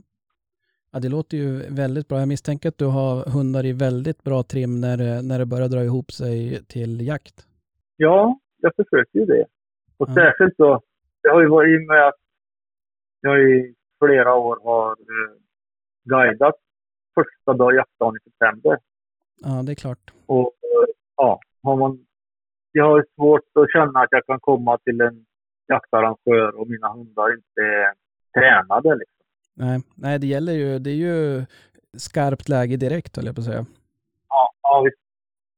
Hur ser det ut lydnad? Tränar du någon lydnad också? ja, det gör jag. Eh, Jag har gått någon valpkurser med några och jag har gått någon fortsättningskurser också med någon. Ja. Men annars så är det ju mer alltså vardagsdressyr och inkallningsträning och, Ja. ja, och utställningsträning. Och, för det, vi tycker ju, jag och min dotter, då, vi tycker det är kul att springa på utställningar. Där ser man, om jag ska sticka ut hakan lite grann, jag på säga, det, ibland när man är på utställningar tycker jag man ser att det är kanske vissa som skulle nog ha tränat lite mer på det. Ja, men det är, det är ju så. Det är ju jättemånga som inte alltid är intresserade utan måste åka dit en gång för Ja. att kunna starta på jakt. Där har vi också den. Då är husse lite stressad och nervös i situationen. Mm. Och så tittar det lite på hunden. Och så vet de inte riktigt hur det går till. Alltså det är en ovan situation för föraren. Jag ska vara ärlig och säga att jag har ju en, en sambo som har ställt ut hundar i, i hela sitt liv, höll jag på att säga. Så att hon, även alltså icke, icke jakthundar. Och eh, hon tycker att det är jättekul, så hon tränar ju mycket med våra hundar där, där både hemma och tycker att det är kul att vara i ringen. Så att jag ska inte vara eh, för hårda mot våra jaktkollegor där. Det, jag har det bra förspänt själv. Ja, och det, det ska du vara tacksam för. Ja, ja. Nej, men jag klagar inte och det kan jag sitta och titta på hundar istället. Ja, det är perfekt. Nej, jag tycker själv att det är jättekul eh, med utställningar. Det, jag, jag tycker det. Ja. Och har, har man då en snygg hund så är det ju ännu roligare. Ja, nej, men så är det. det jag, jag tror jag var inne på det någon gång också. Jag är bara så himla oöverens med domarna. Det jag tycker, det jag tycker är en fin hund, det brukar inte de gilla riktigt. Så att, eh, men det är alltid, framförallt så är det ju kul att komma ut och träffa mycket likasinnade, se mycket hundar och eh, sen blir jag lite också så här ett tävlings... Eh, jag tycker själv att min egen hund är ganska snygg. Så att, och det har gått Mm. ganska bra på utställningar. Vi har väl varit på två, tre stycken tror jag. Så att eh, det är ju alltid kul också när det, när det blir lite När folk tycker att, en, att man har en fin hund, det är ju kul. Ja, det är jätteroligt. Men alla, alla blir glada av uppskattning. Ja, ja, men så är det. Har du några fler träningstips att dela med dig av? Jag vet inte. Det, jag är väl ganska, alltså det är det jag gör. Ja. Alltså antingen promenerar eller om jag springer själv med dem. Eller eh, cykeltränar eller att de springer bredvid hjulingen. Eller också kätting och simning. Så i övrigt är det inget. Ja. Det är inga, inga särskilda grejer eller att man håller igång dem bara. Ja, ja det, det tror jag är viktigast. Sen hur man gör tror jag inte är särskilt noga. Det viktigaste är väl att de får röra på sig, eller att de får komma ur hundgården, att de får göra något annat. Ja, Träna lite spår och sådär ibland. Jag har väl en som jag har, han som jag använder mest eftersök. Han eh, har ju tränat ganska mycket spår med. Och det, jag har gjort det med alla, men eh, väl en som jag tränar mer med det. Och det, är- det är bra, man märker ju på dem att de blir... Alltså springa en och en halv mil, de är ju inte trötta i skallen liksom. Och de blir inte trötta. Håller man på fyra, fem dagar i veckan så är- de blir bara bättre och bättre tränade. precis. Så Kommer de hem och så får det gå en timme, då vill de ju nästan iväg igen. Ja, Då är ju dressyrträning eller alltså att man gör lite sådana, om man kan kalla det för dressyr, men alltså lite lydnadsträning. Det gör ju att de blir lite tröttare i skallen. ja, Kanske håller sig lite lugna lite längre i hundgården till exempel, eller inne. Om man eh, aktiverar skallen på det. Det, det är jag övertygad om. Ja, det, det håller jag med om och det är ju nu framförallt med unghunden här så om man inte aktiverar sig, sen behöver det inte vara jättelång tid men att man, man aktiverar, att, att aktivera hans hjärna höll jag på att säga, det, det gör att det blir lite drägligare i, Ja. i köket höll jag på att säga. Ja, visst. Helt klart. Och, och de, är, de tycker ju det är roligt också. Börjar man med det och de, de får uppskattning för att de gör bra saker, då tycker ju de det är roligt. Ja. Vad var det jag tänkte, en eh, lite kanske lite märklig fråga, men man brukar ju prata om att det är svårt att, att lära vuxna hundar att sitta och, och så vidare. Eh, Jag tror jag vet någonting som är ännu svårare och det är väl kanske att lära vuxna jakthundar som, ska, som kanske ska jobba ganska individuellt och en, ett par hundra meter ifrån en. Kan man, tror du, påverka och träna till exempel ståndegenskaper, inkallning, hundens förmåga att, att ställa om en flyende älg eller tillbakagång, just de här jaktliga egenskaperna. Tror du att det finns något sätt man kan eh, träna dem på en, eh, en, eh, en hund där man inte riktigt är nöjd med de egenskaperna hunden har? Inkallningen tror jag absolut att du kan övervinna om du lägger ner tillräckligt mycket tid på det. Ja. Även om det är en vuxen. Det tror jag. Sen om jag är man till att fixa det, det kan jag inte säga. Tror jag knappt. Men, eh, men jag vet ju andra som har lyckats. Jag har en god vän som köpte en, en hund som var nog ett par, tre år. Och han skällde ja, dygnet runt. De fick inte han därifrån. Nej. Så hade de, de, han var ju jaktkampion, men de, de, de tyckte han var helt värdelös för han stod ju bara och skällde dygnet runt. Slutade aldrig. Så han, de sålde han och jag känner han som köpte han. Och eh, ja, ett halvår, ett år senare då hade han 100 procent inkallning. Ja. ja, det är riktigt imponerande. Vad, vet du vad han gjorde? Nej, inte exakt, men jag vet att han hade ett knep. Och det var att han sköt en älg och så hade han med sig ett långt rep. Och så knöt han, fast hunden i repet då, vid älgen. Och så gick han bort för 20 meter eller 30 meter hur långt repet var. Och så visslade han på honom. Han, han hörde ju inte det. Ja. Så då kunde han ju hala in honom då, Ja. med repet. Och så när han kom in fick han godis. Och så fick han, så fort han hade ätit godis så fick han springa tillbaka till älgen. Ja. och låg där död. Och så visslade han på honom. Och till slut så insåg han ju att kommer jag inte tillbaka så då drar han ju dit. Precis. Det vet jag att han gjorde. Men eh, han gjorde säkert andra saker också. Ja.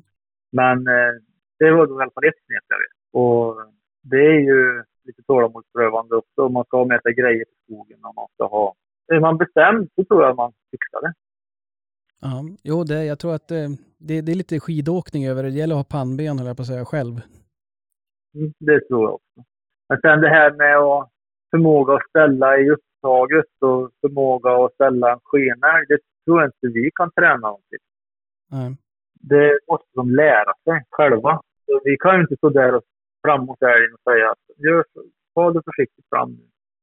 Nej, nej det, är ju, det är ju väldigt, väldigt svårt och, och jag menar man, man lyssnar på andra hund, jaktraser och så vidare. Då kan man, ju, kan man ju rigga förutsättningar och situationer på ett annat sätt. Men jag tycker du hade en ganska bra grej där just med, med det du sa att förmåga att hitta älg och att det framförallt var för att hunden får många träningstillfällen då. Mm. Så att det kanske kan vara någonting, det är någonting som jag tar med mig just att vill man ha bättre ståndegenskaper, även fast det är svårt att, att påverka själva ståndegenskaperna så är det ju bra ju mer träning hunden får på det, tänker jag. Ja, precis. Ju fler, och jag, jag är ganska övertygad om att mina hundar i alla fall har lärt sig på vägen. Gör jag så här så får jag belöning genom att älgen står still. Ja, Nu, idag lyckades det. Vad gjorde jag för rätt nu? Varför stannade den här älgen? Ja, men det var kanske för att jag sprang i fattan. Ja, ja, jag tror ju det. I deras värld är ju belöningen, det är ju att få skälla. precis. Det är det roligaste de vet. Det kan vi aldrig uppväga. Vi kan inte vara så roliga Nej, som det är att stå. det finns inga köttbullar som är så goda. Ja, det finns ingen mat i världen som är så god som det. Och det är ju bra. För det är ju det vi ska ha dem till. Och eh, jag tror att det där lyckas de. Alltså misslyckas de många gånger i början, då tror jag det blir svårare för dem att ändra sig Ja, såklart. Men lyckas de lite då och då och ser att fan, nu gjorde jag så här. Att man släpper på marker med unga hundar på marker där det är, inte är massa annat folk. Mm. Så de får möjlighet att träffa en ostörd älg och de får skälla. Då lär de sig det, tror jag. Sen, som du sa, en gammal hund. Om, man ska, om det är en hund som lyckas skrämma älgarna varje gång, hur man ska göra för att bryta det beteendet på en hund, det vet jag inte. Nej. Nej, det är inte, det är väldigt, eh, det är väldigt svårt. Jag vet inte, jag tänker att kanske skulle hägn, att de, eh, att de älgarna åtminstone är så pass eh, trygga så att de står kanske kvar. Problemet är att Jo, det spelar väl ingen roll hur hunden gör så kommer de ju att stå kvar. Så Nej. det kan ju förstärka ett felaktigt beteende kanske också, jag vet inte. Det kan ju vara positivt på det sättet att han, han kommer få skälla Ja, och att han känner att åh, det här var ju roligt. Det här har jag aldrig gjort förut. Gud vad kul att Så- stannar. Ja, precis. Så att han kanske får, får, får skälla en gång riktigt och får uppleva det. Sen, eh, som du säger, de kan ju, om, om den hund smyger fram till nätet och börjar skälla eller om han springer som en tok fram till nätet och börjar skälla, de älgarna kommer ju stå där ändå. Ja. Så det, ja, nej, jag vet inte hur man skulle få en hund som har fått in beteendet skrämma älg och ändra sig till att inte göra det Ja. när han, är- när han är vuxen. Nej, Nej det, är, eh, det är nog inte... Det är som sagt, det är ingen lätt fråga. Och det finns ju aldrig några nå, nå tydliga... Det finns ju inget facit på så vis. För det är både att det är individer, hundar och eh, eh, det är svårt att prata med dem. Vilket jag brukar säga ibland också kanske är tur. Jag, jag pratar gärna med dem, men jag vet inte om de fattar. ja, det har du rätt i. Det har du rätt i. Det är tur att de kanske inte kan prata med oss och, och ge oss feedback alla gånger heller. det är ju jävla tur. Ja, Nu stötte du. Varför kan du inte lära dig att du ska gå i rätt vind någonstans? kallar du det att smyga? Ja, precis. Jag hörde det på 300 meter. ja, nej, det är inte lätt. Men Nej, det är inte. Jag tänkte det, finns det någonting, eh, just det här med, med jobbet, ditt företaget, klasse jakt och mat, finns det något, om man är intresserad av till exempel en jakt eller att, ett, eh, och anlita dig, är det att gå in på hemsidan då? Säljer du jakter som de är eller är det att du, du assisterar vid andra jakter så att säga? Jag har ingen möjlighet att sälja några egna jakter. Jag har inga sådana jaktmarker. Eh, Utan jag har bara blivit inlejd som hundförare och fått till andra som arrangerar jakt. Okej, ja. Men mat kan man få antingen komma hit hem till mig och äta eller om jag kommer till din trädgård och grillar eller någonting ibland. Mhm. det blir någon fest eller Då ska man bege sig till hemsidan eller eh, eh, Facebook lär det väl finnas på också? Facebook finns jag och Instagram finns jag och hemsida. Ja. Ja, men det är bra. Det ska jag göra när jag, om jag har vägarna för, nästa gång jag har vägarna förbi. Då ska jag eh, komma förbi och äta hos dig. Ja, det är ingen ansökan att sätta på spisen. Så Absolut. får du gärna ska jag bjuda på mat, det lovar jag. Ja, det, det låter bra. Jag tänkte höra, är det någonting som, det här kan man ju sitta och prata om hur länge som helst. Jag ser vi har, vi har suttit ett tag här nu. Men eh, Ja. vi får ta en, eh, vi får ta en, ett till samtal vad det lider. Ja. Och gå igenom allt vi inte har hunnit gå igenom. Är det någonting som du skulle vilja lägga till här och nu? Nej, utom att ni hörde av er, att, jag, att ni ville att jag skulle vara med. Jag pratar gärna hundar och jakt. Det är det roligaste jag vet. Eh, Eller det är i alla fall min största hobby. Om man nu kan kalla en livsstil för en hobby. Men eh, det är jättekul att få vara med. Ja, nej, men det var jättekul att du, att du ville vara med. Och eh, vi får, eh, som jag brukar säga, all anledning att återkomma och surra mer. Mm, ni är välkomna helst. Tack så mycket. Ha det gott. Ja, detsamma. Hälsa de andra. Det ska jag göra.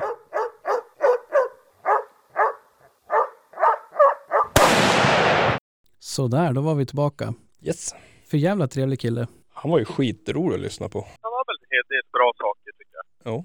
Faktiskt. Ja, och framförallt, jag måste säga det, det jag tyckte, det jag gillade, det är ju också att det, det sticker ut lite grann, tycker jag. Ni får rätta om, om jag har fel, men det är ju ändå inte de här traditionella svaren. Nej, inte de vanligaste i alla Nej. fall. Nej. Jag hajar ju till det där han sa om, var det förra programmet vi rankade vad vi, vad vi ville ha på hundarna? Ståndupptag och sånt där. Ja, ja, det var något, typ alla program. Ja men typ det. Men, men i alla fall det han sa hajade jag till och tänkte han har det är fan inte så jävla dumt tänkt egentligen. Du tänkte på att han ville ha ett eh, bra sök och hitta, förmåga att hitta älg? Ja. För Ja. det resonemang han hade det var ju att de får skalltid. Ja. Om de, alltså om hundarna vill skälla så får de skalltid om de har bra sök och förmåga att hitta älg. Så jag, jag köper nästan lite grann av hans resonemang. Det gör jag. Ja, nej, men det är, jag, jag håller med och det är någonting som jag har inte hört det förut. Nej, inte Jag har inte tänkt på det på det sättet och, och det är som du säger, jag tycker det, det känns jävligt rimligt på något sätt att eh, om du ska bli bra på något. Mm. Det var ju väldigt populärt för, för några år sedan, den här 10 000 timmars regeln. Att om du ska bli expert på något måste du Ja. göra 10 000 timmar. Mm. Då blir du jättebra på det. Ja, precis. Och eh, det är klart, det ligger ju någonting i det. Ja, ja, det är det. Och utan övning så blir man ju inte expert kanske. Nej. Men, eh, och det är klart, då vill det ju till att de hittar älgar för att få övning. Ja, ja. Jo, nej, men det är det jag menar. Att han, det är en ganska bra twist på, på tänket egentligen. Ja. Som jag, Fan, när man just hade tänkt så här, nu börjar jag få grepp på det här. ja, jo. Ja. Eh, Vad säger du Krille? Ja, nej, men jag håller med. Det är ju söket. Han, han såg ju hos föräldrarna. Ja. Och kanske kullsyskon eller andra kullar och sådär. Att, att äh, det visar på att det finns mycket driv i hundarna. Mm. Alltså det där med kallsöket så att säga. Att, eh, då vet han. Han tar en valp därifrån då vet han att det här är, även fast det är- eller det är mycket jakt och det, men det är mycket vilja. Det- Han pratar ju mycket om viljan där och leta åt en älg. Alltså. Mm. Mål, egentligen målmedvetenhet, målmedvetenheten som vi brukar prata om. Ja. Ja. är lite samma sak. Jag tycker. Ja, nej men Men det, eh, det säger ju en hel del. Ja. absolut. Och jag kom på att tänka på det som, som du brukar säga, eller som vi alla egentligen har sagt, det här med att man, man ser skillnad på hund och hund efter om dag två eller dag tre när du släpper den. Mm. Att det söket påverkas och det här drivet finns inte riktigt där. Sen, jag tror det var du Krille som sa det att om, sen om de får älg i näsan, eller kanske var du också mycket, men får de väl älg i näsan och på ett, ett hyfsat färskt spår, ja men då är det ju så här fullt påställt. Mm. Och det är väl det som jag tänker just det, det som du berättade där om att kolla på föräldrarna och kullsyskon och hur, hur drivet är på tomsök så att säga. Jo, det ska inte behövas någonting. Det kanske inte behöver lukta så jävla mycket för att det Nej. ska finnas. Utan Det är i dem. ja precis, viljan att, att springa och, och leta rätt på något som luktar till att börja med. Mm. För jag Ja. menar, jag tror de allra flesta, de allra flesta linjerna efter egentligen alla älghundsraser, nu springer de på ett hyfsat färskt spår så då, då tar de ju på det. Ja, annars blir man ju oerhört besviken. är inget fel på på det. Nej. Nej. Man kan nog skilja sig mot just det där det extra i Ja. drivet. Precis. Ja. Med- Alltså med, kall, Eller ganska mycket kan det ju vara. men med kallsöket här. Att kommer igen fjärde eller femte gången och inte hittar någon älg, eller vi säger tionde gången han kommer igen. Det är klart att då behövs det en extra för att få det extra Ja. drivet i sig. Ja, men han var ju inte, han var ju inte alls så sugen på att de skulle komma igen förrän de hittade Nej. någon älg. Nej, precis. Nej men det är ju en smaksak. Det, Ja. det, men jag tänkte också på det, undrar hur många gånger det är per år man går tom på en dag. Man eller hund? Ja, hund. Alltså att han inte hittar någonting på en hel dag. Det är, det är inte ofta här i alla fall. Nej, ja, men helt ofta. För han pratar ju också det om att det, att han kanske jagar på älgglesa jaktmarker. Mm. Det kanske han gör. Ja. Det syns inte så att om man ser på vad han skjuter per år. Men, Nej, Nej, nej men nej, alltså, men alltså, det är klart att det spelar roll då. Alltså, är det verkligen älggles? mm. ja, men vad, vad är älggles då? Om vi pratar... Ja, men det är det man- Ja, det är det som är så svårt att Ja. säga. Jag kan ju inte Ja. säga vad han menar med det heller. ja, men vad menar du? Alltså, ja, men vad snackar man om? Man brukar väl prata om Är antal det en sån där killgissning igen? Ja, men per tusen hektar är det väl? och vad är gles då? Ja, jag kommer inte ihåg vad, vad vi har här i alla fall. Utan jag går ju på magkänsla om man tar på olika ställen. men vad hade vi för Då gör man ju en egen bedömning. Ja, men vad hade vi för tilldelning? Vi hade tre på hemmamarken. På Ja, och tre. ja. tre vuxna på 2000 hektar. Ja, två, sex tror jag det Är är. det så mycket? Ja. Ja. Vad blir det? Det blir ju en på Ja men säg tre på tre, då är det nästan en per Ja, tusen hektar. En på tusen då. Ja. Mm, precis. Och det är ju tilldelning. Och- Sen vad, vad är det det ska vara i Ja, nej, vinterstam? men vinterstammen är en annan sak. Men till exempel om vi har 5000 hektar så har vi, har vi sex älgar. Det är Mm. nästan också samma. Lite Ja. mer då. Mm. Men vi har ju varit uppe i 11 Ja men då Mm. pratar vi fortfarande för tilldelning fem va? år sedan. Ja, Ja, men alltså, ja, ja, tilldelning. Ingen, ingen stam eller så. Nej men tilldelningen kanske kan vara, vara ett mått på... Riktmärke. Ingen Ja. visning. Ja. Jo. Så att jag menar, och jag, jag tycker ju kanske inte att vi har haft så jävla lite älg här. Du går ju aldrig tom här hemma. Nej i år har det varit Mm. betydligt bättre än i fjol. Mm, I fjol var det ju verkligen så här, då var det ju fan öken. Ja, ja, precis. Men, men, men, men, ja. Men och så sen ska man komma ihåg att gå tom, ja men det kan ju gå in på grannmarken och själv, alltså det räknar jag inte som att hund går ju inte tom då. Nej, nej, nej. nej. Så Nej. att, eh, men äh, det där är också, det är ju verkligen en, en grej som man kanske lite slarvigt slänger ur sig. Vi har älgglesa marker. Mm. Men i själva verket kanske inte vi har den glesaste marken som finns. Nej men och allt är ju relativt. Jag menar jämför du den här marken med den, den andra marken här i närheten som du jagar på Mm. så är ju det här älg, älgglest. Precis, exakt så är det ju.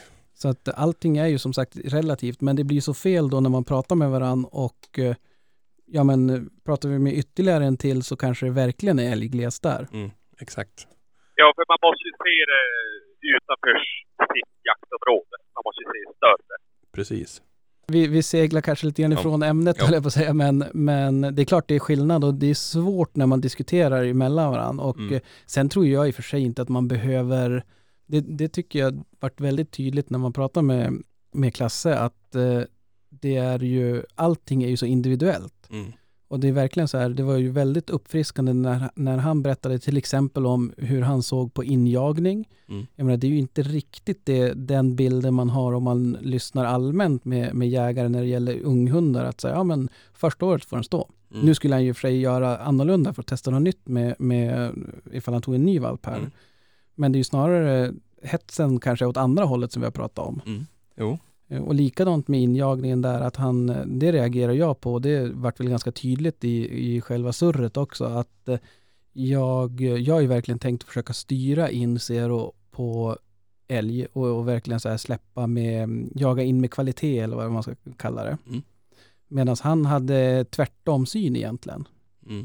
Jo, men jag, menar, jag, trodde, jag tycker att det är, när vi ska- pratar om det här med jaga in med kvalitet och så, då är det ju som han säger. Du ska ju som inte söka upp det. Så, så hade jag aldrig fattat det. Nej. Alltså att du hade, för vi har väl pratat om det tidigare va? Ja. Jo men alltså det, eller söka upp, men alltså att man vet att man släpper på älg och inte på något annat. Du så tänk- har jag tolkat Ja, jaga in med kvalitet. Alltså du, inte, du börjar inte med Jaha. tomsök så att säga. Nej, Jo, alltså, eller och, som, som Eller sök mot älg, alltså mot, vad ska man säga, mot säker älg. när, man har, när man har bestämt sig för att nu vill jag att hund ska komma i kontakt med älg. Mm. Då, då söker man där man vet att det finns någon älg. Alltså att man styr det så att man, man inte tomsläpper utan att man... Nej men alltså du gör, du gör, du gör en situation mo, mot en, En älg du vet om. ja precis. En Men jag menar du behöver ju inte släppa på spår utan du kan ju gå en bit därifrån men söka det mot platsen där älgen var. Ja. Och det ser väl jag inget fel med, tycker jag. Nej, det är klart. Det är nej ju, men det var ju så han sa. Det var ju så han sa att han gjorde. Ja, jag vet inte, där, nu vet jag inte, nu var det ju flera minuter sedan man lyssnade på det där, så man är ju som en guldfisk och glömmer, men, men jag tolkar det som att han inte sl, alltså släpper Nej, han- någon älg som han vet om, utan Så- att eh, han går ut precis Nej, som men han, han går ju dit han...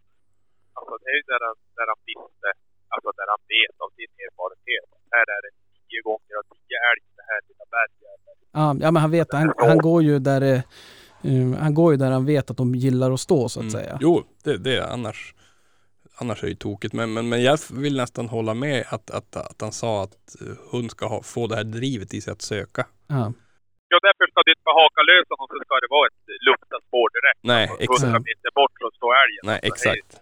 Ju man, ska inte, man ska inte göra som man gör för ungarna och, och curla in dem så att säga. Nej, nej, nej. Utan det, Nej. det ska vara lite tufft det där redan från början för dem. Att, att, alltså de ska söka igen älgen. Ja. Vilja söka igen älgen. Men och det är ju det som jag har tänkt på när man har lyssnat på andra och, och, och funderat på just att verkligen så här styra in dem på älg. För som jag sa i, i när vi surrade där att Mm. eh, det vart så mycket annat när jag jagade in jax. Det var ju Ja. så jäkla kul med fågel och han nöp någon, någon hare och någon räv och sådär. Mm. Eh, Så att jag vet inte fasen om hur mycket älgkontakt han fick då. Det var som att han inte fortsatte att leta. Alltså jag, jag tänker så här. Som, som jag tolkade klassen nu så vill han släppa en hund och så sen ska den ha drivet eh, för att springa tills den hittar älg. Mm. Och hitta lukt och sen då hitta älg och skälla. Mm. Medan med, med Jax till exempel så upplever jag att man gjorde det, man släppte och så sprang han bara oj, fasen vad kul med massa fågel som, åker, Mm. som flyger upp och sätter sig i någon topp som jag kan stå och skälla på. Mm.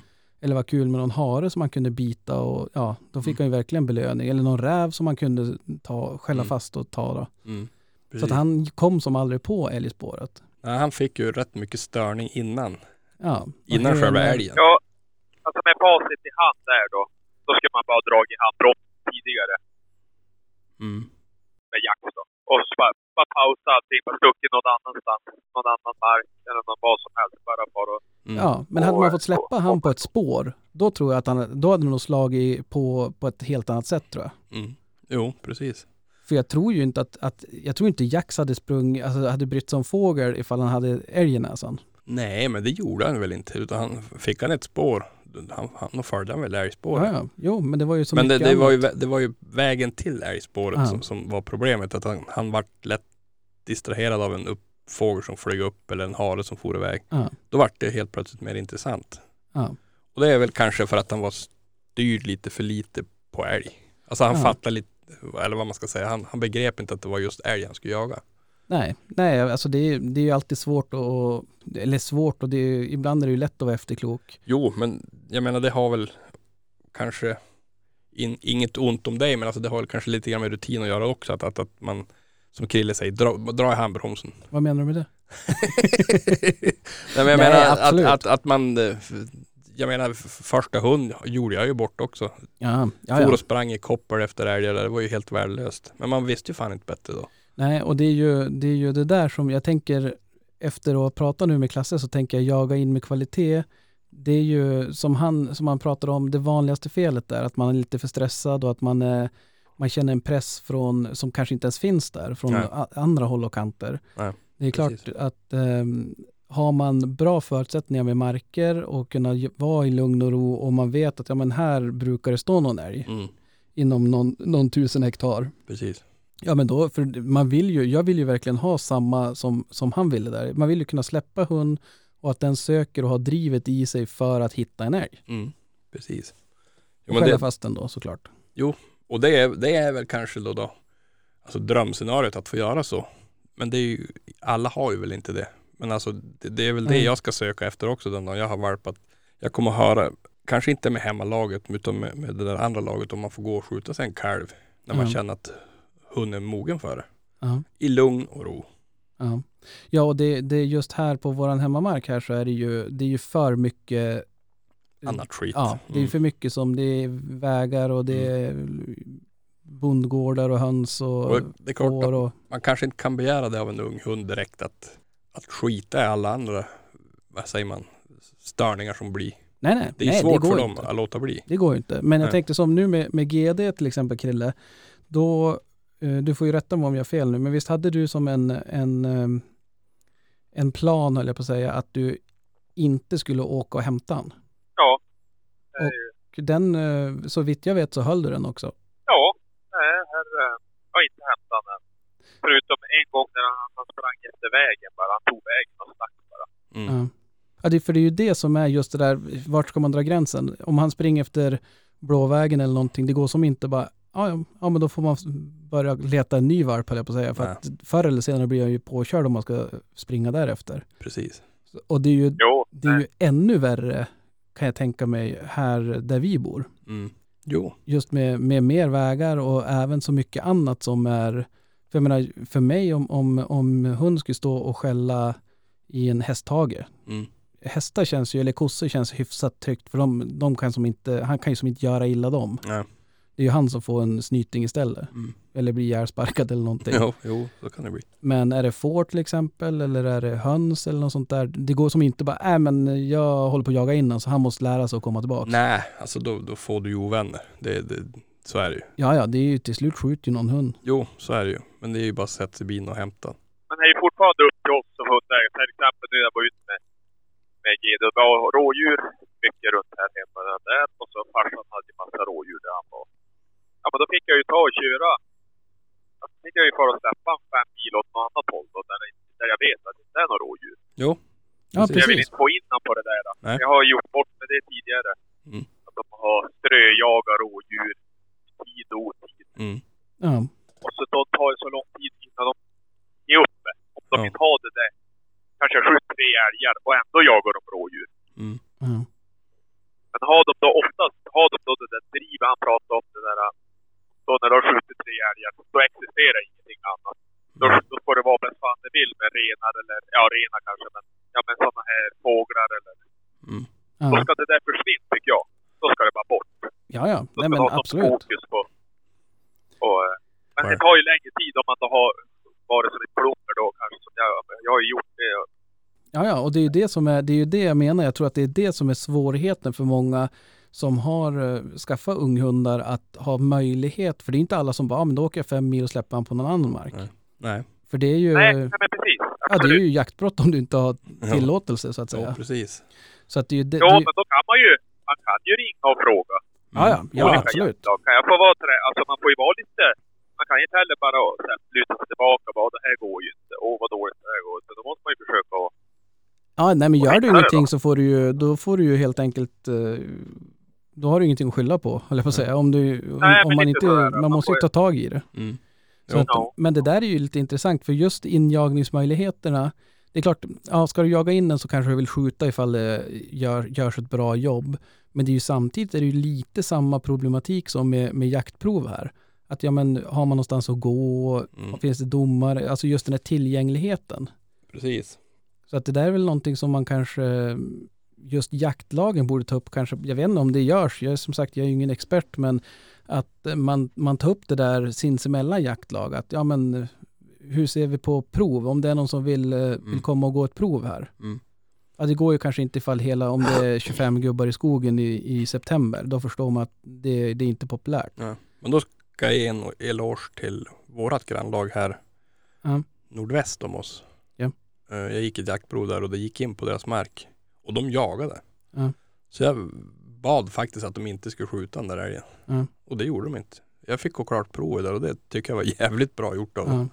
Ja, ja nej, men precis. Och det är ju, Och det är så det, är så Men det så ska, det vara. Ja jag Ja. menar det, det är så det ska funka. Att det, bara de vet om det så säger man åt, eller säger man åt men frågar man att kan ni ge fan i den här älgen för jag går prov?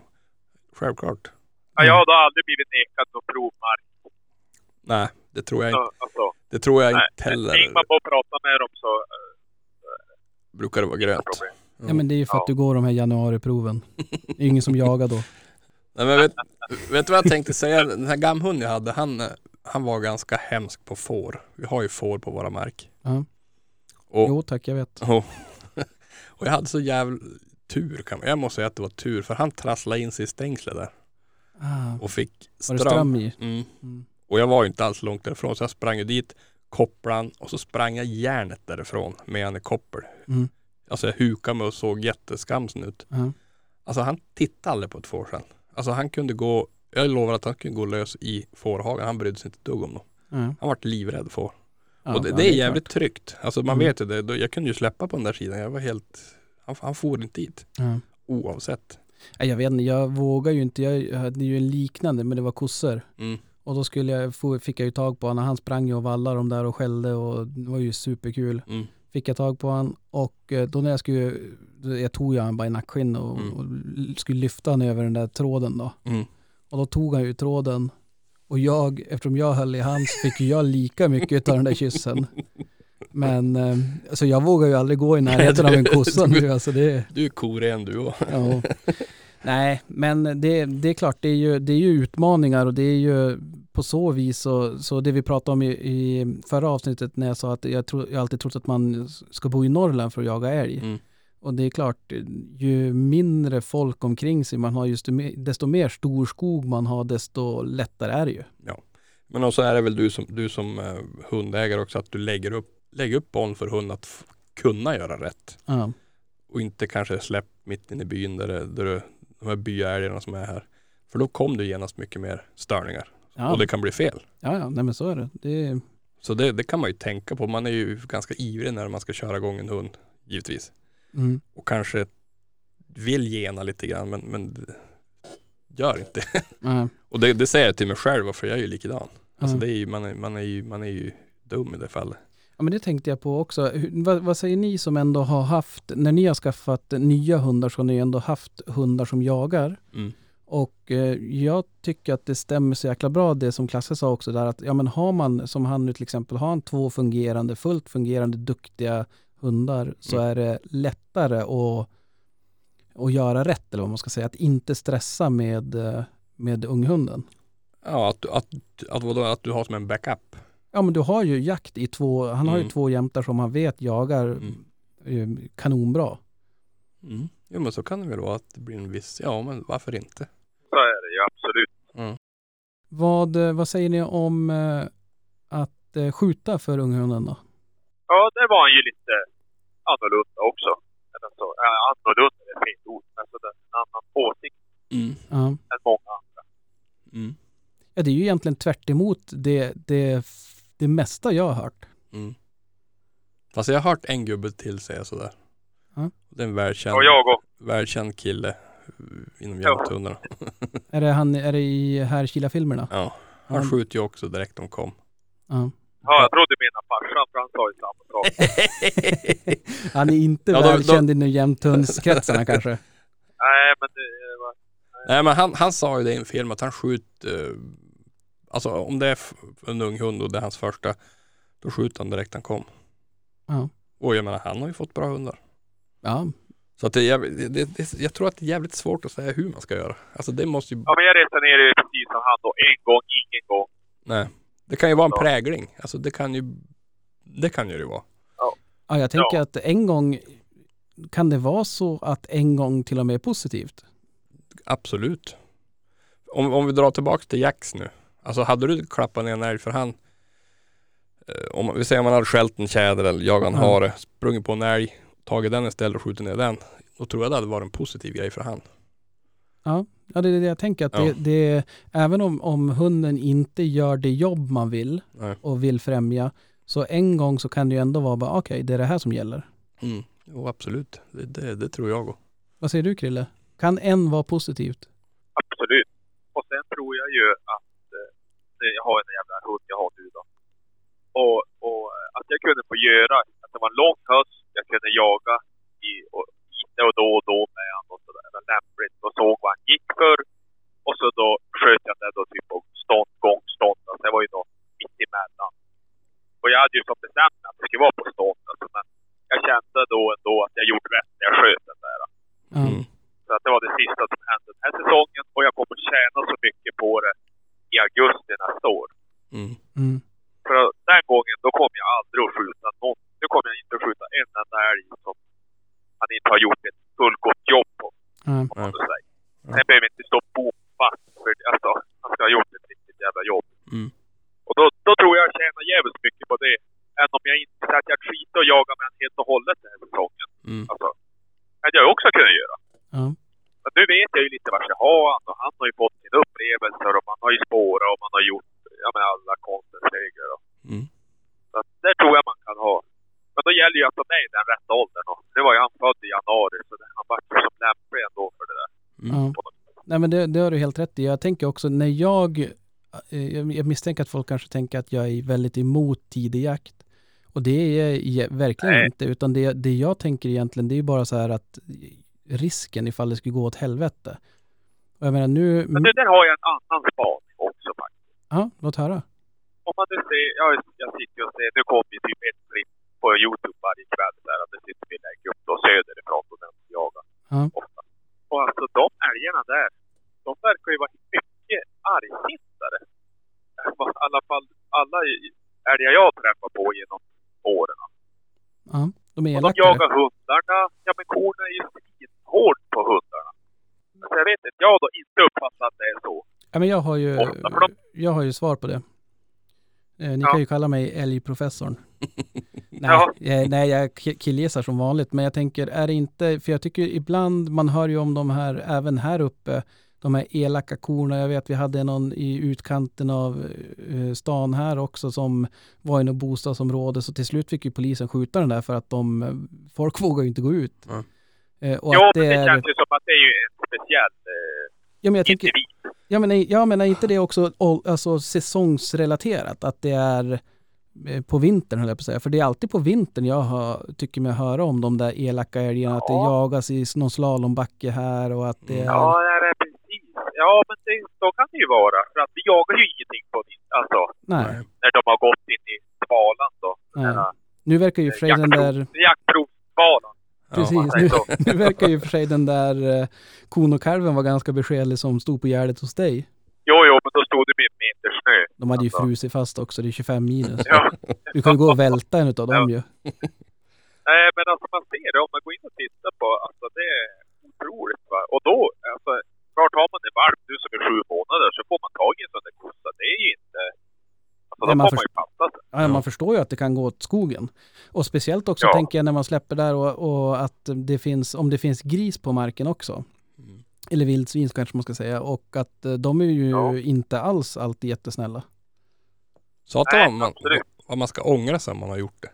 Ja, det, är det, jag- det är det jag tänker att man, Ja. alltså just den där risken kontra vinsten. Ja. Men sen det är klart, jag menar vildsvin och, och älg, det, det är gamla hundar som blir sparkade och, och snittade också. Så att det är väl... Jo, jo. Precis. Men jag, jag skulle själv känna att satan var onödigt. Ja, Faktiskt. ja, och framför, Jo, ja det- absolut. Det är, ju, det är ju verkligen läge att vara efterklok då. Jo, precis. Så att nej, men ja. Och min andra teori om de här äl- arga älgarna söderöver. Sitter du och googlar det eller vad gör du? Nej, nej, nej. Alltså det här är, det här är mina tidiga studier. Ja, precis. Nej, men min andra teori är väl kanske varg.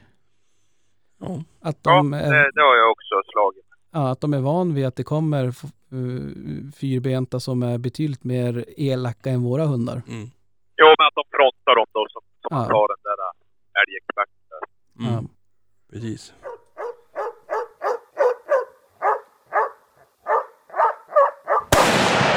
Och så då den här klassen också. Jag gillar ju hans sätt att och, och prata om hundhållningen och hur han tränar. Och att Ja. han... Eh, eh, ja, men han, han, han har ju det här man själv man tycker att man ska ha. Alltså den här livsstilen också. Att man, Mm. ja, han lever ju upp för sina hundar. Alltså, Mm. och det är ju skitroligt att höra. Ja, Det här att man tycker att det är viktigt när han skjuter den första älgen också. Att man får vara ensam och göra det. Mm. ja, och vara i lugn och ro och ta på dit älgen och man får Ja men sitter runt djur. Alltså det här tror jag också by- bygger en jävla relation mellan du och hund. Ja. Precis. Och det kan påverka att han kom tillbaka. Att han har bra åt, återgång till exempel. Allt det där jag tycker, tror jag spelar in väldigt mycket. Ja men det är så definitivt. Jag menar det är ju bara att kolla återgången hos folk eller på att säga kompisar. Mm. De man tycker om, de är man ju hellre, de åker man ju hellre och hälsar på eller på att säga. Ja, ja, men så är det ju. Och så är det ju väl garanterat med hundar. Alltså om, det är klart, jag kan tänka mig att du kan väl säkert piska i det också. Men det går väl kanske med folk också är jag rädd. Att, Jo. Det, att det finns som Ja, folk som stannar alltså- i dåliga relationer för att de är rädda eller får stryk. Jo. Och så kanske det är med hundar också. Men, men någonstans är det ju det att, eh, ja, Det är har lätt. man, Det är lättare om de vill.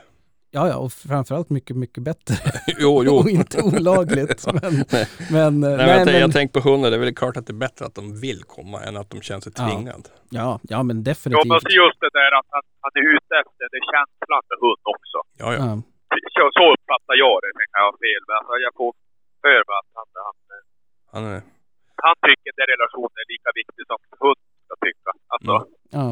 Ja, men det tycker jag också blir tydligt. Nu, jag säger inte att andra inte är det, men jag menar just det här med, Nej, med träningsschemat eller programmet, upplägget där med, med dra kätting och att det, det, det tänkte, kättingen där vart jag lite sugen på att prova faktiskt. ja, men också sen och, ja, det, och har det där, jag. Det där med att man inte ska bara köra en grej. Nej. Att det inte ska bli tråkigt för hunden, alltså att Mm. man varierar.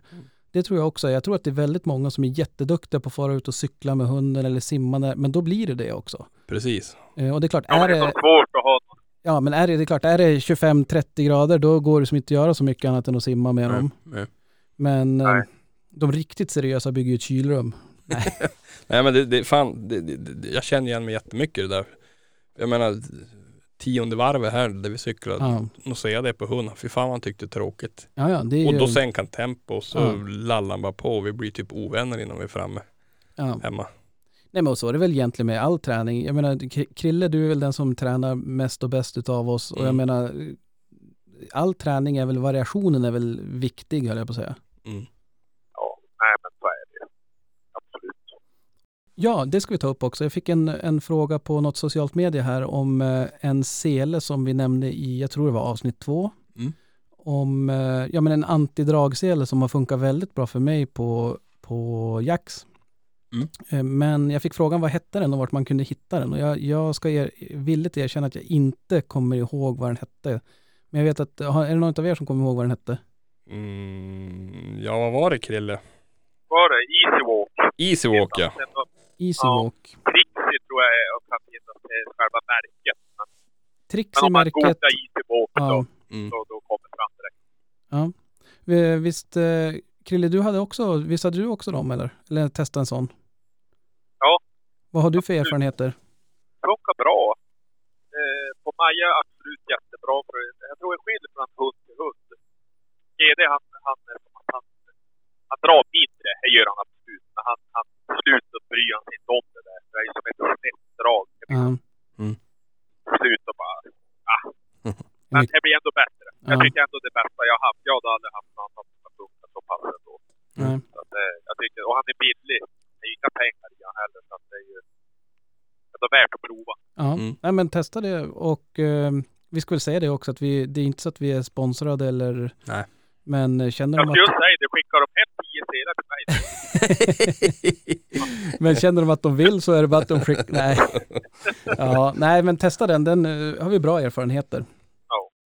Men eh, jag tänkte att det börjar, vi börjar ha hållit på ett tag här nu. Är det så? Ja, och jag sa ju i förra avsnittet att vi ska göra om det här och att gästen som vi surrar med ska få utse veckans guldälg. Mm. Det gick ju bra. Första gästen jag pratade med efter det så glömde jag bort det. Ja men det, du har mycket att rodda i. Ja, det, vi får skylla på det. Jag har en grej till. Ja. Ja. Ja, Jag måste ändå, är ändå. Jag tycker ändå att, jag var också på säga att när han pratade om att han, eh, det blir mycket prat om, om att man är glad när valparna gör bra jobb och sådär. Ja.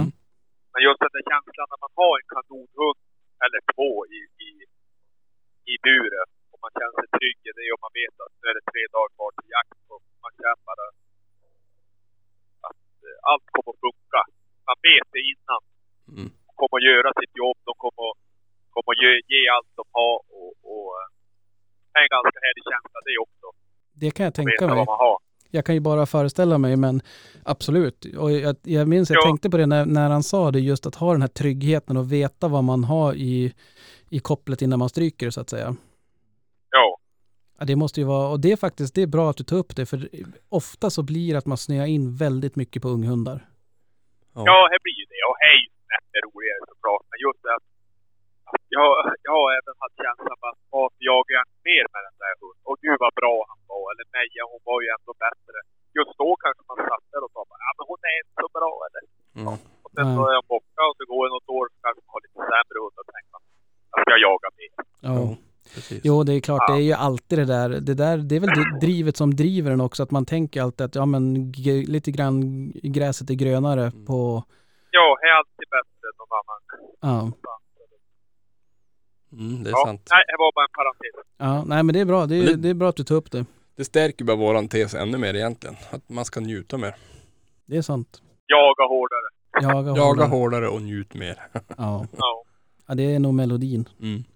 Vad var det? Jo, eh, jag tänkte att vi ska faktiskt ta och eftersom jag hade missat det där med att eh, vi skulle ha gästen som, eh, som fick dela ut guldälgen. Mm. Så eh, det var bra, det höll inte ett avsnitt. Men eh, därför så ska vi försöka bättra på oss nu och faktiskt ta och ringa upp Klasse. Mm. Han får helt enkelt eh, leverera en guldälg här på stående fot så att säga. Vi kör på det.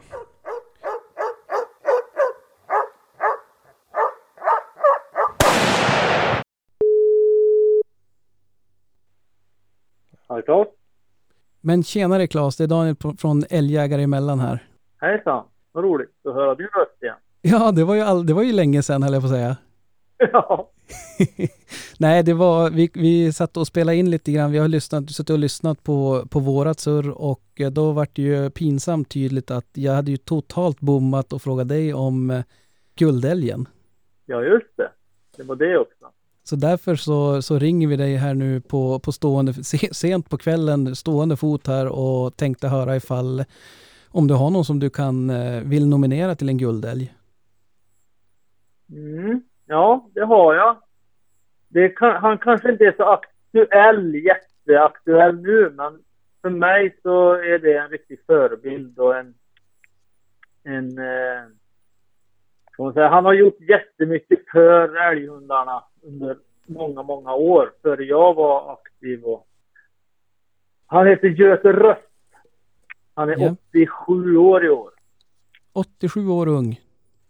Ja, precis. Det kan man lugnt påstå. Härligt. Vi jagar på markerna mot varann här hemma och eh, jag stöter på honom ibland. Han är pigg som en eh, lärka i kroppen och eh, framtidsutsikter. Han, eh, när jag träffade honom i höstas här och då eh, kanske var i oktober. Och då var han inne på att han skulle ha en ny valp till våren här. Ja, det är ju underbart att höra. Ja. Han har ju, suttit, han har ju varit ordförande i Svenska Älgklubben under många och många år. Och Ja. gjort jätte, jättemycket för uh, all verksamhet egentligen. Som har med älghundar att göra och klubben. Så Ja. det tycker jag, han tycker jag är absolut är värd en guldvärd. ja. Nej, utan att, utan att vara alltför bekant, men bara på det du säger så låter han ju väldigt värd en guldälg. Ja, det tycker det är en sån där ikon och profil som eh, han är ju välkänd i älghundsvärlden såklart. Ja, det är kanske är jag- något, eh, någonting vi får ringa och störa någon dag, höll jag på att säga. Ja, det, det tycker jag. Han har nog väldigt, väldigt mycket att berätta om, eh, om hundar från, längre tillbaka också. Och ut, utvecklingen.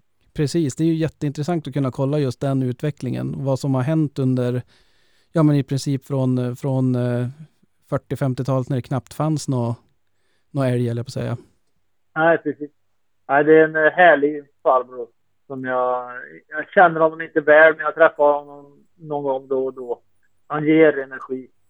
Ja. Härligt, härligt.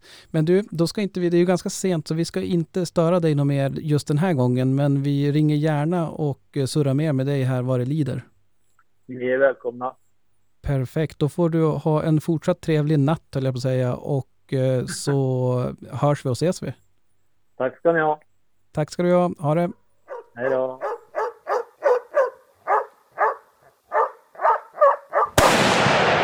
Sådär, då var vi tillbaka. Jäklar, det var tur att vi fick ringa och störa han. Ja, annars hade ju våran plan gått i stöpet. Jäkligt imponerande att den hittade en, en guldälg sådär eh, på en Tack. gång. Ja, faktiskt. Ja, det var snyggt. Och han Snyggt. eh, låter ju onekligen som en, en riktig krutgubbe. Du, jag var inne och tvärgooglade på honom och jag tror att han är det. Ja, Det finns mycket att läsa om honom så jag ska hem och göra det nu. ja. Men, eh, nej, men vi kanske ska ta och börja tacka för, eh, för visat intresse, eller vad säger ni? Absolut. Ja. Men glöm inte att följa oss på Instagram. Nej, och prenumerera gärna också. Det Ja, det är sant. Snyggt. Bra att ni kommer ihåg det. För det är... eh, då får de se jägarlimpan. Ja, Åh! oj. Ja, det är sant. In på Instagram och kolla in jägarlimpan. ja. Och, Han eh, skulle ju kunna skicka en till oss så vi får prova. ja. ja, vi tar det nu. Det är ju trevligare att åka Jo, dit det är och sant. Då har man något att se fram emot. ja, någon törlimpa Ja. Som har gått via Postnord. Det är ju ingen hit. Inte alls. Då blir det jägarskorpa. Mm. Men, eh, nej men som sagt, tack för att ni har lyssnat och som Micke sa, prenumerera gärna och som Krille sa, eh, följ oss på Instagram. Och skicka meddelanden till oss. Ja, det Det är, är, sant. jävligt roligt. Ja, mer frågor måste Ja. jag ha. Mera. Det är jä- Jäkligt kul. Ja. Och vad är det vi brukar säga? Ris och ros till oss. Ja, bara, precis. Bara rosor, Krille. Ja. Jag vill bara ha ros. Ja, det är, det är du värd. Det är du värd. Men eh, sköt om er och eh, skattjakt på er där ute så eh, hörs vi nästa torsdag. Adjö. Ja. Jag hörde hon som skällde gäst Rune smög fast det var väst och jag stod kvar på Passbo Säterbrua han svor och grumta som en gris. Det var för mycket busk och ris Det enda som han såg var halve kua. Halve kua. Halve